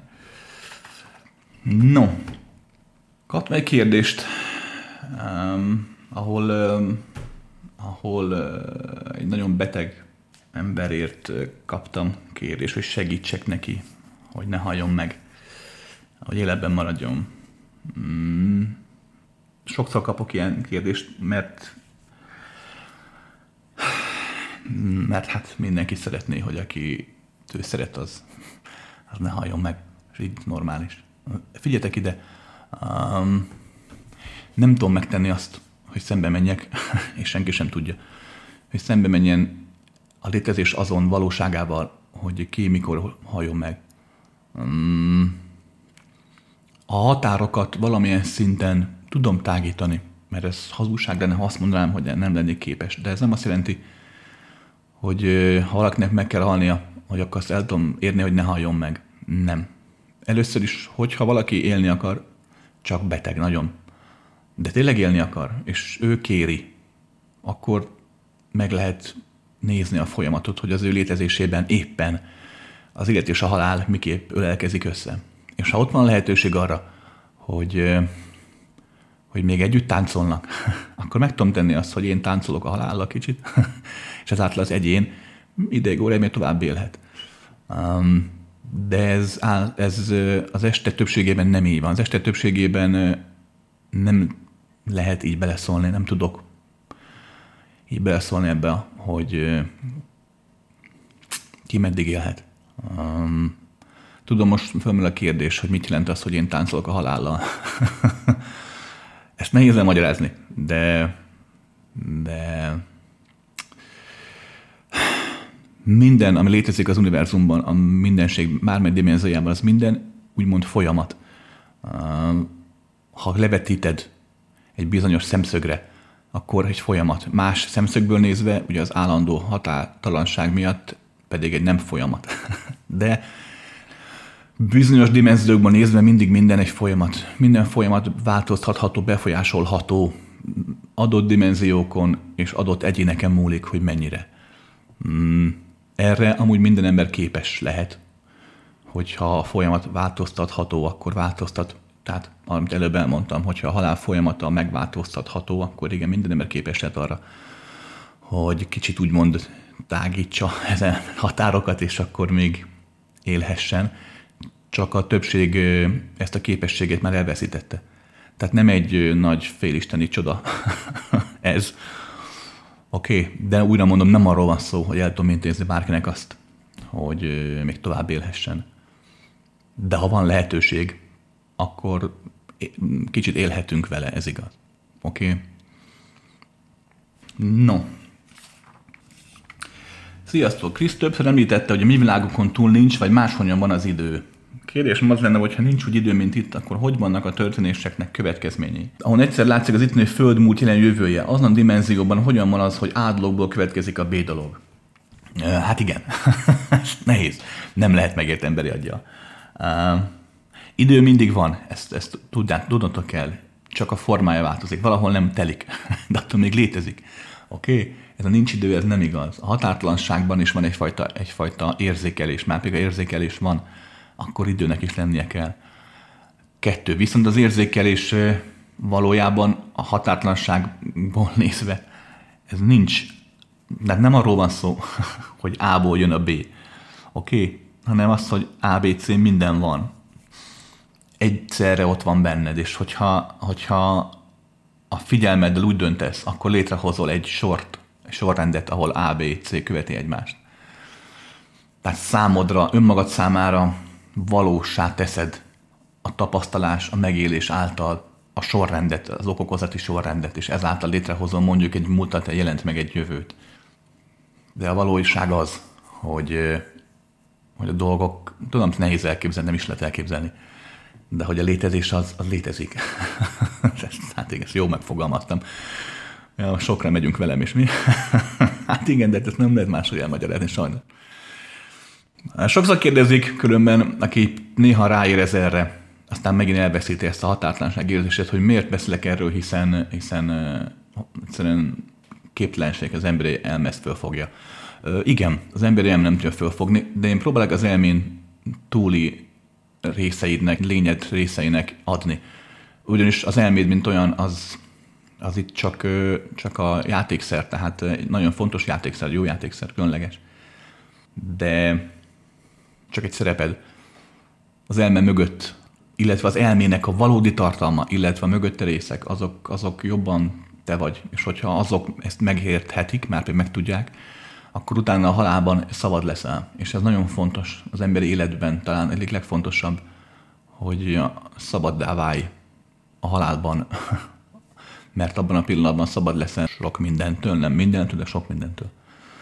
És ha valaki képes ráérezni itt a Földön, mert csak ráérezni lehet, hogy hogy működik ez a határtlanság, ez minden együtt van. És mégis ezen belül hogy jönnek létre az AB okokozati folyamatok, akkor a szabadságon túl még teremteni is tudsz majd. Teremtést is meg tudsz élni. Ezért beszélek róla. Nem könnyű ezt megérteni. Um, ott az óceán. Ugye egyik része ott van, ugye, mit tudom én, New Yorknál, Miami, Florida, mindegy, másik része meg ott van mondjuk Spanyolországnál. Um, megteheted azt, hogy megindulsz New Yorkból, vagy a amerikai területről, Floridából, és, és cseppenként haladva, cseppenként haladva, nagyon-nagyon lassan, de A-ból B-be cseppenként haladva eljuthatsz egyik cseppből a másik cseppen keresztül eljuthatsz ugye Spanyolországig, Portugáliáig. De valójában az is igaz, hogyha belépsz a vízbe New Yorkba, ugyanaz az óceán mossa már a másiknak a tappancsát, ugyanaz a hullám már Spanyolországban is, érted? Tehát a létezés így működik, hogy a határtlansága miatt minden van, és minden, mindenhol ott van, de te a teremtés által megteheted azt, hogy lépésről lépésre felfedezve, lépés lépésben megteremtve éled meg a mindenséget. Oké? Okay? Sziasztok! A kérdésem az lenne, hogy látjuk valahol mindegy, hogy valaki más sebeket val, a mai rendszer ráerőlteti mindenkire a pórász, ez tödi a lelket, a tudatosságon kívül, bár ez kétségtelen elengedhetetlen, hogy lehetne ezt éplélekkel felébredten kezelni? Először is ez mindig is így volt, ez nem a mai rendszer, minden rendszer ezt csinálta, hogy próbálta ráeltetni a pórát az emberekre. Um, a nagy demokráciákban is a szabadság csak egy illúzió volt. Addig lehetett valaki szabad a demokráciában, amíg azért nagyjából betartotta azt, amit a demokratikus vezetők neki törvényekbe lefektettek. Tehát ez mindig is így volt. És hát figyelj ide, a tudatosságon kívül hát mi más lehetne? Hát egyértelmű, csak akkor tudsz önmagad lenni, ha tudatos vagy. Ne dőljetek be ezeknek a légy önmagad és a reklámoknak, hogy légy önmagad, és akkor úgy reklámozzák, hogy akkor a fiatal kislány vagy a kisfiú úgy önmaga, hogyha beszáll a, mit tudom én, a liftbe lila hajjal, és ott áll mellette mindenki meg mondjuk öltönyben. Um, mert ezekkel csak az öntudatlanságot akarják erősíteni, az ilyen ö, frátisokkal, ugyanis nem attól leszel te önmagad, ha más vagy, mint a többi, hiszen már más vagy, mint a többi. Ha más akarsz lenni, mint a többi, még másabb akarsz lenni, mint a többi, akkor nem önmagad leszel, csak valaki, akivé válni akarsz. Arra nem is beszélve, hogy nem a külsőség számít önmagad megélésében. Tehát sehogy máshogy nem lehet az, aki vagy, csak a tudatossággal. A tudatossá válsz saját magadra, és annak függvényében változol és létezel. Hát persze, csak úgy lehet felébredni, ha az ember úgymond tudatossá válik. Hát másút nincs. Mindegy, hogy hogyan hívod. Sokan nem hisztelték a tudatosság szót, mert már hány engedük van tőlem, nagyon sokat hallották. Hívhat, hogy akarod. Lényeg, lényeg, hogy bizony-bizony csak akkor leszel az, aki valójában vagy, amikor az vagy, aki valójában vagy.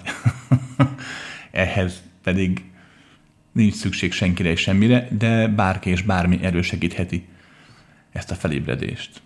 Oké? Okay? Csak a tudatosság egyértelműen. Szia, az élet mostában piszkálgatja a jóról és rosszról alkotott hitrendszeremet, azaz a bűnök megítéléséről. Én a nevetetésnél fogva sem tudnék elkövetni ilyen dolgokat, és nem is célom, hogy lazítsak ezen feltép hasznos korlátaimon, viszont az elkövetők megítélésével küzdködöm. Mondtad, hogy a bűnnek csak akkor vannak elkövetőre nézve karma vonzata, ha ő maga bűnösnek érzi magát miatta. Ennek ellenére létezik olyan bűn, ami az elkövető érzelmeitől függetlenül is az. Um, hát bűn létezik, hogy ne létezne? Ugye? Hiszen kialakul a bűntelenség fogalma. Ugye a bűntelenség ugye azt jelenti, fogalmazunk így, ez tekintvén a vallásos felhangjától, hogy ugye az emberek úgy élnek, ahogy nekik az jó, és egy közösség úgy él, hogy minden tagjának az jó. Tehát nem azért nem lopás, mert van törvény, hogy ne lopj, hanem azért, mert eszébe az embereknek, hogy lopjanak. Ekkor kialakul egyfajta könnyed bűntelen megélés létezésben, ezáltal viszont akkor tudjuk, hogy van bűn, mondjuk például lopás. Magyarán a bűn formáját, mint olyat, hogy mi hozzuk létre. Hogy számunkra mi a bűn társadalmilag, szociálisan. Tehát mit, mindig mit látjuk, hogy adott társadalmak találják ki a bűn, és ezáltal nem bűn fogalmát. Um, persze vannak univerzális átlános, amik a legtöbb társadalom bűnnek tartja, például a gyilkosságot mondjuk, ugye? De akkor is csak azt, hogyha a saját népedet ölöd, úgymond, vagy a barátot, vagy a családot ölöd meg, ha az ellenséget, aki ellenségnek van kikiáltva, akkor már nem vagy bűnös, ugye? De szóval a legtöbb népcsoport, a legtöbb társadalom azért bizonyos többségében bizonyos dolgokat bűnnek kezel. Ártani a másiknak, meggátolni a szabadság a megélésében, lopni, stb. Ja. Univerzális szinten is létezik egyfajta, léteznek úgy fogalmazok úgy, hogy bűnök idézőjelbe. Um, de a bűn, ha a bűnt magát a, már a mindenség szemszögéből nézzük, az anyagi dimenzióról, túlról, akkor a bűn fogalma már nem jelenti a büntetés vonzatot. Magyarán, ha nevezhetjük mondjuk bűnnek egy-két dolgot, nincs érte büntetés. Univerzális szinten például a bűn jelent szabadságot elvenni magattól és a másiktól, um, illetve, illetve valamilyen szinten bűnnek tekintik azt is, amikor valaki nem tudja megélni a önmagában lévő lehetőségeket, például, hogy megöli magát mondjuk. Ez is bűnnek tekinthető, de újra szeretném hangsúlyozni, senki nem ítél el érte. Nem számítasz bűnösnek ilyen téren. Um, az, az, hogy mondtam, hogy akkor van a bűnért büntetés karma szinten, vagy spirituális szinten, hogyha valaki bűnösnek érzi magát, na, várj egy picit. Ez a következőről van szó. Amikor valaki meghal, és elkezdi ezt a halál utáni játszmáját A-ból a B-be, ugye, korábban beszéltük. Tehát a határtlanságban, határtlanságban mégis elkezdi az AB játszmáját, mert amúgy az emberek többsége meg, megteszi akkor, amikor egyfajta időben és térben úgymond újra feldolgozza az életét, akkor szokott kialakulni egy olyan hatás, amit úgy hívunk ugye, hogy a, az empatikus képesség, készség miatt, egy olyan hatás, hogy amit tett annak idején, annak a hatását felfogja, amit akkor nem fogott föl, hogy másodnak mondjuk mit okoz avval, hogy mondjuk verekszik, ver, ugye, mert verekedős volt, lehetett verekedni, a másik fájdalmát nem érezte, csak a diadalt, meg a jó érzést, hogy bunyózott. És hogyha az egyén a halála után ezen felfogáskor nem eléggé tudatos, akkor ezen hatás elsöpri, a átlagozott fájdalom hatása őt elsöpri, és létrehoz egy, egy hasonló életet, hogy a harmóniát, mint olyat újra helyreállítsa, csak hát ugye most meg kell élnie bizonyos hatásokat a saját bőrén, hogy többet ne legyen ezen területen diszharmonikus. Ez így elmondva nagyon sarkos és nagyon darabos, a valóság ennél sokkal összetettebb, de maga a folyamat nagyjából így néz ki. Magyarán, amit itt teszel, úgymond bűnt, rosszat, vagy jót, mindennek van következménye rád és mindenkire nézve, persze. De ezen következmény tudatos emberként szabadon választhatod meg, öntudatlan emberként pedig csak bele sodródsz egyfajta törvény adta folyamatba, oké? Okay? Um, még egy apróság. Írtad ugye, hogy az elkövetők megítélésével küzdködsz. Soha ne felejtsd el, hogy hogy mindenki ember. A bűn elkövető is, és a nem bűnös is. Azáltal, hogy így külön vagyunk, külön testekben, azáltal hajlamosak vagyunk elfedkezni arról, hogy bizony egységben létezünk. Az, aki bűnt követel, az uh, Isten vagy. és az, aki bűntelen, az Isten vagy. Ne ítéld meg a túl szigorúan azért, mert most a játszmában te épp a bűntelent játszod. És ne ítéld meg túlságosan szigorúan az se, aki most a játszmában a bűnöst játsza. Mm, ugyanis, ha megítéled, akkor az ítélettel belkerülsz a játszmába. És természetesen valakinek ezt is kell, tehát kell a bíró, kell ugye az ügyész, hogy a társadalom működőképes legyen. De belül, belül nem menj bele egy ilyen ítélkezős, igazságot osztó játékba, mert elveszíted a lényeget, önmagadat, és a másikat is, önmagad és a másik által. Szia Krisz, érdekel, mi a véleményed a karma asztrológiáról és a spirituális válasz technikáról? És hogy mikor láthatunk végre élőben egy eladásod? Um, hát élőben az ember a múlik, ahogy lehet. A spirituális választechnikát, azt meg nem ismerem ezt a karmasztológiát. Nagyjából tudom, mire gondolhatsz, de nem ismerem annyira, hogy tudjak valami érdemlegeset mondani róla. Ha tetszik, akkor csináld, nem tetszik, akkor pedig nem. Kedves Krisztián, a reinkarnáció abortuszról szóló felvétlen beszélt arról, hogy a leszületéskor a három tudat, lendő apanya és az új élet lelke összebeszél a maga többdimenziós nyelvén, amire különböző okok miatt van szükség. Beszélni arról, mik ezek az okok. Mit beszél meg a három lélek? Miért ezek az ember lesznek a szüleink, leszületünk? Milyen döntéseket hoz lélek leszületés előtt? Ú, ez figyelj ide, ez egy nagyon-nagyon komplett kérdéskör. És már, tehát a te fogalmaid se jók, az enyémek se jók sem. Tehát, tehát, na igen, tehát az összebesznek a lelkek, meg még másik. Igen, hát tudom, hogy én is így beszélek róla, de hát valójában ez nem így van. Um, majd hamarosan lesz egy, vagy már lehet is az élőben, de élőben nem is, akkor majd neten csinálok egy ilyen nagyobb, sokórás előadást erről az egész élet-halál kérdésről, mert, mert fontos. Fontos. Úgyhogy, úgyhogy ott majd el fogom tudni mondani rendesen. Most nem akarok belemenni, mert nem tudom, látod pár percbe. De csak egy mondatban annyit, hogy sokkal többről van szó, mint ahogy el lehetne szavakkal mesélni, sokkal bonyolultabb, és sokkal egyszerűbb is ez az egész amúgy, mint gondolnánk. De mondom, lesz majd egy ilyen, oké, okay, lesz majd egy ilyen nap, vagy egy ilyen komolyabb felvétel erről, és akkor ott el fogom mesélni Kedves Krisztián, munkai stressz, feszültség, nehézségek feldolgozása, elfogadással kapcsolatban kérlek tudát adni tanácsot? Hogy lehetne mindez lehetséges? Hogy lehetne tudni, hogy esetleg eljut ez annak, hogy inkább változtatni kellene, vagy épp maradni? Um, emberek. A stressz meg a feszültség feldolgozása, mindegy, hogy munkai, vagy otthoni, vagy bármilyen, nem lehetséges. Um, legalábbis nem úgy, hogy gondoljuk.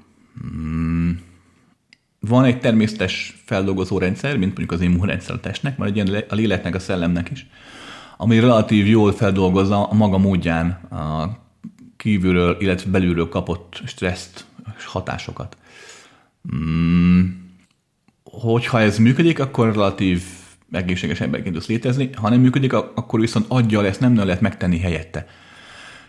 Természetesen, Római 2, vannak megoldások, igenis lehetséges úgymond feldolgoz ez a folyamatot, csak az nem agy kell, az már fajta tudatos létezés kell az elengedéshez, meg úgymond az átengedéshez, amikor úgymond átengeded magadon a stressz és nem ragad rád, vagy csak nagyon-nagyon kevéske. A másodtól kapott hatástól nem változtat, meg nem azonosulsz a másiktól kapott hatással. De ezt, ezt meg kell tanulni és gyakorolni kell, ez nem lehet egy mondatban erre tanácsot adni. Viszont a következő megéri elgondolkodni. Um, kétféle elv létezik. Az egyik azt mondja, hogy ahol nekem nem jó, onnan elmegyek. és végül is belegondolsz, miért maradna. Persze. A másik pedig azt mondja, hogy ahol nekem nem jó, ott valami bennem van, valami probléma, ez a szituáció, ez a hely nekem ezért akar valamit tanítani, és ezért maradok, hogy ezt megtanulhassam. És ebben is van igazság. Hiszen tény és való, hogy mindaz, ami történik veled az életedben, abból lehet tanulnod. Az nem véletlen. Én a következőt csináltam, csak a saját magam például tudok beszélni, a kettőt együtt. Az első kellemetlenségekkor nem mentem el, hanem figyeltem és hagytam, hogy dolgok történjenek, hogy mi az, amit adhat nekem ez a szituáció, de ha nagyon rossz éreztem magamat, akkor nem maradtam, ha nem volt muszáj. Persze, amikor muszáj volt, akkor az ember marad, és akkor viszont akkor a muszájra figyeltem, mondjuk, hogy ne halljak éhen, és akkor ezért olyan munkám volt, hogy én sem akartam volna csinálni, de viszont muszáj volt, akkor amire figyeltem, ugye a muszájra, a célra, ugye mondjuk a pénzre, és akkor már nem éreztem magamat akkor annyira rosszul, hiszen alapvetően én döntöttem úgy, hogy azt a dolgot csinálom. Nem a szenvedést értem meg belőle, hanem a teremtés részét. Tehát így, én így csináltam, ki lehet próbálni. Honnan lehet tudni, mikor kell menni, mikor kell maradni, ezt nem lehet tudni. de azért feladni semmit sem szabad nagyon könnyen, de a nagy szenvedésnek sincs azért értelme. Ne higgy a szenvedés megváltó erében, mert nem kell hozzá. Akár meg is válthat, de nem feltétel. Nem az mutatja valaminek a fontosságát, a nagyságát, hogy mennyit szenvedtél érte, vagy közben. Oké? Okay? Szia! Tudjuk, hogy le van butítva a társadalom szisztematikusan évszázadok, évezredek óta, és tudjuk, hogy vannak az eliték, akik ezt csinálják. Most dilemmában vagyok. Oké, okay, kell a változás, de egy ilyen szintű elbutított társadalmat, aki ráadásul nagy többséget teszi ki, hogyan lehet arról meggyőzni, hogy térnek vissza a természethez? Kevesebbet fogyasszanak, gondolkodjanak és ne higgyék már el, amit előtt tárnak. Vagyis hogyan lesz a gondolat erejének olyan szintű ereje, hogy ebből az állapotból kibillentse a többséget. Mi lesz a csürhével? ők maguk fogják visszakövetni a rabszolgaságot és rabszolgatartóikat. Igazság szerint elnéz az emberiséget, igenis kell nekik egy irányító. Hm. Uh, figyelj ide! Alapvetően nem jársz messze az igazságtól. Figyelj ide! Um, van egy társadalom. Társadalom ugye egyénekből áll. Ez lehet is társadalom, vagy lehet egy globális nagy, az egész emberiség, mindegy, de különálló emberekből áll. A társadalom olyan, mint egy kis közösség, csak nagyba, ugye, mint egy család, vagy mint, vagy mint egy baráti közösség, vagy mint egy, vagy mint egy ö, célirányos létrejött közösség. Ugye, tűzoltók, rendőrök, mentők, sők, orvosok, ápolók. Tehát azok, akik egy adott célért együtt dolgoznak egyértelmű, hogy nem lehet irányítás nélkül. Hát nem működne. Nem véletlenül van azokban a közösségekben, ahol, ahol élet és halál a kérdés, nem véletlenül van hierarchikus rendszer, mert nincs idő arra, hogy most akkor mindenki készfeltartásra szavazzon, hogy most akkor bekössük-e betegnek a lábát merről balról jobbra, vagy jobbról balról, vagy inkább ne tegyük. Igaz, önök belőle a vér, de szavazzuk meg, hogy a vér mennyire zavar minket. Nincs lehetőség erre. Tehát ott, ahol valódi, valódi hatást kell gyorsan elérni, ott kell vezető, aki megmondja, hogy emberek jobbra, balra, és kész. És vagy bejön, vagy nem. Az életben, hogyha a társadalom valóban akar változni, vagy valóban akar létezni, akkor nem teheti meg azt, hogy ne válasszon maga közül vezetőket, meg is teszi minden társadalom, hogy választott régen vezetőket, ma már ugye a vezetők választják magukat. Ma már nem arról van szó, hogy te választ a vezetőt, ugye? Hiába hiszed azt, hogy te szavazol valakire, fogalmas is kire szavazol, ugye? Mert nem tudod. Ha utálod, amit én, a egyik oldalt, akkor rászavaz a másik oldalra, hogy azt kicsodát, honnan tudnád? Életedben egy szót nem beszéltél vele. Biztos különben nem szavaznál rá. tehát, na, tehát maga a folyamat így működik. Hogyne? Hogyha az emberiségnek lesz egy célja, például mondjuk az, hogy túléljen, hogy változzon, hogy növekedjen, fejlődhessen, hogy eljuttasson más bolygókra, és mit tudom én, akkor egyetlen az vezetők nélkül nem lehet megcsinálni. Gond nem. Ez a gond ugye az, hogyha a vezető azt hiszi, hogy ő fontosabb, mint a többség. Ugyanis abban a pillanatban elfelejt a többség érdekét, és csak a sajátját nézi. És akkor vége. Mert onnantól fogva már a hatalom kezdi majd éltetni. A gond ugye az, hogy a mai politikai rendszerben, ugye demokratikusnak van kikiáltva, megjegyzem semmi köze nincs demokráciához, megjegyzem demokrácia sem volt egy jó működő politikai rendszer, még Aténban sem működött rendesen, ott is ugyanilyen politikai hazudozásos játszma ment, csak a pénzről meg hatalomról szólt, mint mindenhol. Na tehát lényeg a lényeg, hogy a mai politikai rendszer demokratikus van kikiáltva, az a probléma, hogy azok az emberek képesek hatalomra kerülni, és most nem Magyarországról beszélek, mert nálunk ez nem így van, de minden más országban így van, csak Magyarországon nem. Tehát az a gond, hogy más országban lévő politikus csak úgy kerülhet be, úgy tudja kitaposni magának az utat, úgy tudja legyőzni a többi szemforgatót, hazug disznót, hogy olyan kvalitási képességei vannak, amik miatt a hatalom vágya, mániákussága, a hazudozás az belőle fakad. Magyarul arra akarok kiukadni, hogy az, amit mondtak régen, hogy csak az az ember kapjon hatalmat, aki nem vágyik rá, ez ma már nem működik, mert csak olyan embernek lehet hatalma, aki mindennél jobban vágyik rá, és ezért képes megbirkozni a többi mindennél jobban hatalomra vágyó mániákus bolonddal. Hát persze. Szokták mondogatni, hogy a nagy világversenyeken, a profiknál csak egy, meg egy másik, meg a harmadik dopingolt. A többi nem. Hát emberek, hogyha a dopingolók világában te le tudsz maradni három század másodperccel a 12. helyről, mert ugye az első 11 az csak 0,1 század másodperccel maradt le az elsőtől, aki megbukott a doping teszten, akkor, akkor ugye hát ugye el lehet gondolkodni rajta, hogy a dopingolók világában nem dopingolva nem úszhatsz olyan gyorsan, mint egy cápa. Újra mondom, más országokról beszélek, nem Magyarországról. Tehát ez, ez itt is így van, hogy a, abban a világban, ahol, ahol tényleg a politikai erők, a uralkodó vezető erők ennyire kemények, és, és csak saját magukkal törődnek, akkor ha a szabály az, hogy olyannak kell lenni, akkor csak olyan ember juthat be, aki olyan. Hát innentől fogva pedig nem nagyon fog változni semmi. Persze. És jól látod, hogyha most holnap után minden politikai erő eltűnne a világból, néhány hónapi káosz után, és öldöklés és gyilkolás után a tömeg megnyugodna, és létrejönnének a, azok a kis királyok, akiket a, a eddig birkaként élő emberek újra maguk fölé emelnének, mert szükségük van egy irányító erőre, szükség van egy olyan hatalomra, hogy azt érezzék, hogy biztonságban vannak. És feltetleg így van, ugyanolyan rabszolgatartókat emelnek maguk fölé, mint amilyenek most is vannak, hiszen, hiszen ezt szokták meg. Így lettek kondicionálva.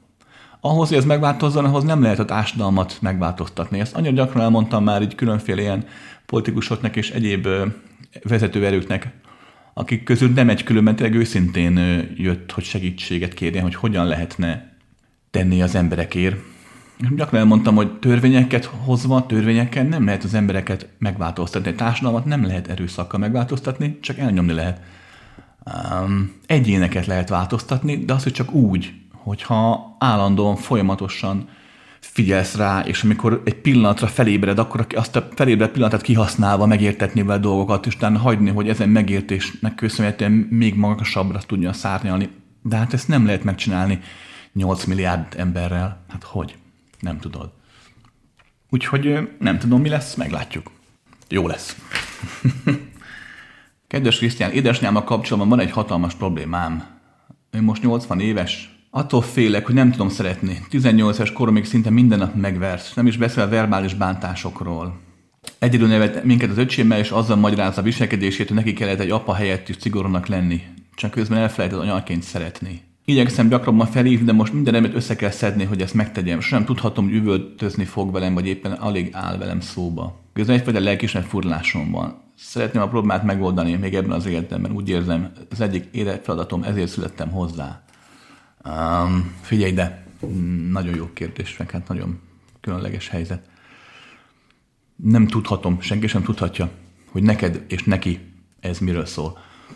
Ezt ti tudhatjátok. Éld úgy ezt a dolgot, ahogy akarod, és hogy képes vagy rá. Ne hagyd, hogy valaki más megítélje azt, hogy hogyan szeretsz, vagy hogy hogyan élsz, hogy belül mit élsz meg. Természetesen mindig hallgass meg másoknak a gondolatait, hogyha kérdezed őket és válaszolnak, mert tanulhatsz belőle. De ne hagyd, hogy megítéljenek, hogy azt elfogad. Ítéljenek, csak ne vess rajta. Általánosságban a következőt tudom neked elmondani. Um, itt a Földön a szeretet, mint minden, valamilyen szinten a emberi test, az emberi elme formálásában születik, tehát annak a tállásában kapjuk. Ugye az agyon keresztül, energetikán keresztül, mindenen keresztül megszűrve kapjuk a létezést. Mi formázzuk meg emberként, de az emberi testünk adja a formát, amivel képesek vagyunk ezt megtenni. A szeretetet is.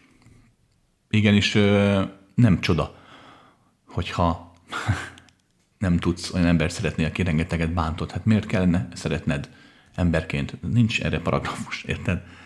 Van, amikor egy szülő annyira csak szülő marad, hogy igen, elfelejt szeretni, és olyan dolgokat tesz, amiket nem biztos, hogy meg lehet bocsátani. Én azért szoktam mondogatni, hogy ennek kellene próbáld meg, és szerest anyukádat, apukádat, akkor is rokont, barátot, akkor is, hogyha nagyon csinálni elbántak veled, hogy neked jó legyen.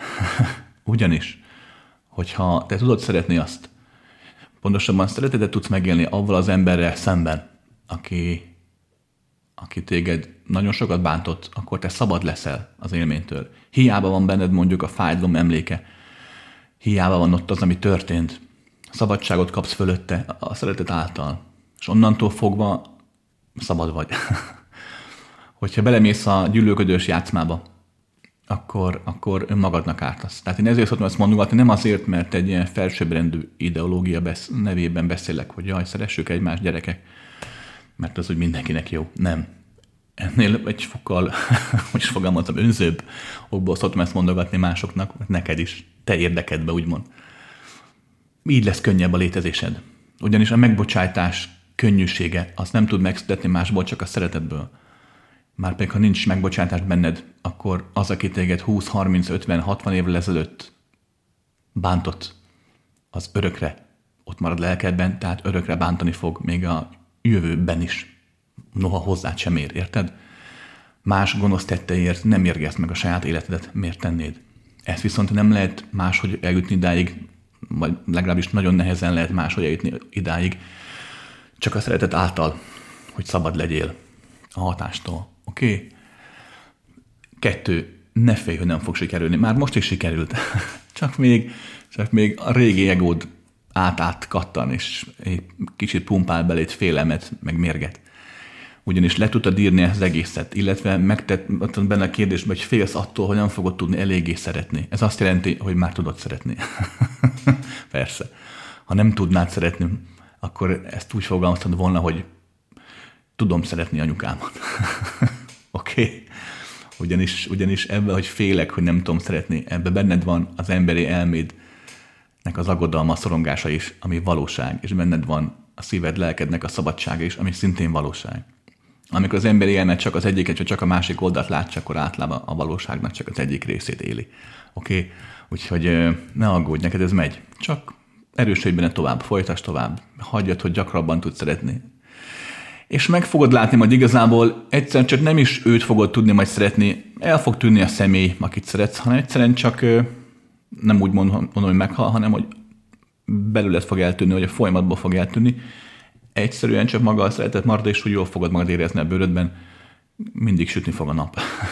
nem túl erősen, de mindig sütni fog nálad, oké? Okay? No. Um, Zárásra csak a következőt mondanám. Nagyon sokan, sokan kérdeztek, vagy írtak azért is kérdezték a megoldást, hogy mit kezdnek ugye magukkal, hiszen egyre jobban nő a feszültség ugye a, ugye a helyzet miatt, a karantén miatt. Túlságosan sokat vannak együtt, gyerekek, szülők, nagyszülők összezárva folyamatosan egyre nagyobb hullámokban gyilkolják egymást. Emberek, figyeljetek ide! Egyértelmű, hogy ez egész lezárás és mi egymásos valami inkább nem mondok semmit. Um, ez anyagilag persze teljesen egyértelmű, hogy tönkreteszi az életet mindenkit, vagy hát a többségét. De a hosszában mindenkit tönkre fogja tenni azokat is, akiknek mondjuk most még megy a bolt, mert mondjuk piát árulnak, és az jól megy. De előbb-utóbb ugye nem lesz, aki megvegye az alkoholt. Um, vagy hát már nem lesz a pénz. Tehát um, egyértelműen önnek nagyon nagy veszteség, de, de a nagy veszteség igazából nem ez, hanem ez, amit sokan kérdeztek, sokan mondtok, hogy tönkre mennek a kapcsolatok, az emberi kapcsolatok, pontosabban olyan dolgok jönnek belőle felszínre, amiket amúgy normál életben meg tudtatok volna oldani. Ugyanis nem arról van szó, hogy most a bezártság miatt olyan dolgok jönnek a kapcsolatban, amik sosem voltak. Jaj, dehogy nem, azok mindig is ott voltak. Épp csak a normális életben ezeket normális lehetett kezelni, normálisan feloldhatóak voltak. Most viszont ez nem lehetséges. Mindenkit nagyon kérek, hogy egyszerűen döntse el magában, hogy igen, most új helyzet van, hozna egy döntést, hogy több energiát fektet arra, hogy nagyobbakat tudjon nyelni, hogy igenis toleránsabb legyen, türelmesebb, ami nem a szó valóságát jelenti. Senki sem lehet úgymond türelmes azért, mert eldönti. Én se tudnék, senki sem tudna. A döntés az, hogy megpróbálok, és ezáltal úgymond eljátszom, hogy ezáltal igenis odafigyelek. Olyan dolgokat, például, amiket kimondtam régebben, mert megtehettem, mert egy klassz veszekedéssel kimentünk futni, egy vad nagy kirándlással helyre tudtuk hozni. Azokat most nem mondom ki, mert nem feloldhatóak, mert igenis nem lehet megtenni azt, hogy jót röhögünk rajta később, mert nem múlik el a feszültség, mert nem tudunk egymásnak teret adni, mert régebben mindenki elment dolgozni maga munkahelyére, este megjött, és már a térnek köszönhetően már meg lehetett beszélni a problémát. Ha nem tudsz kimenni a lakásból, akkor, akkor nem tudsz teret adni magadnak, a másiknak, ezáltal a feldolgozási folyamat sokkal nehezebbé válik. És ez hatványozni igaz a gyerekekre. A kisgyerek, aki nem megy ki az utcára, pláne ezek a maszkos maraságokkal is, tehát egyszerűen nem tudja megélni a saját létezését. Persze, hogy feszültebbé válik, és hiába ül egész nap a számítógép előtt, vagy a játékonhoz előtt, igazából, a telefonját nyomkodja, igazából az nem tudja levezetni a benne fölgyülemlött feszkót. Úgyhogy, úgyhogy muszáj, muszáj odafigyelni jobban, több energiát fektetni ebbe. Tudom, hogy nehéz, most a félelem persze, meg itt a aggodalom közepén, hát persze, hogy nem könnyű, nagyon nem könnyű. De értsd meg, az, hogy kihúznak a zsebedből néhány millió forintot, hogy nem dolgozhatsz, az is nagy veszteség. De azért az pótolható lesz majd. De az emberi kapcsolataidban lévő károkat nem tudod helyrehozni. Pár év múlva. Oké? Ne engedd, hogy bekövetkezzen, mert akkor lesz igazából az egész karantén vírus helyzetnek, akkor lesz el valódi vesztese. Hogyha a családot, a barátot elveszted azért, mert nem tudtatok igazából egymásra figyelni. Jó? Ne adjátok föl. Azt nem szabad. No, jók legyetek.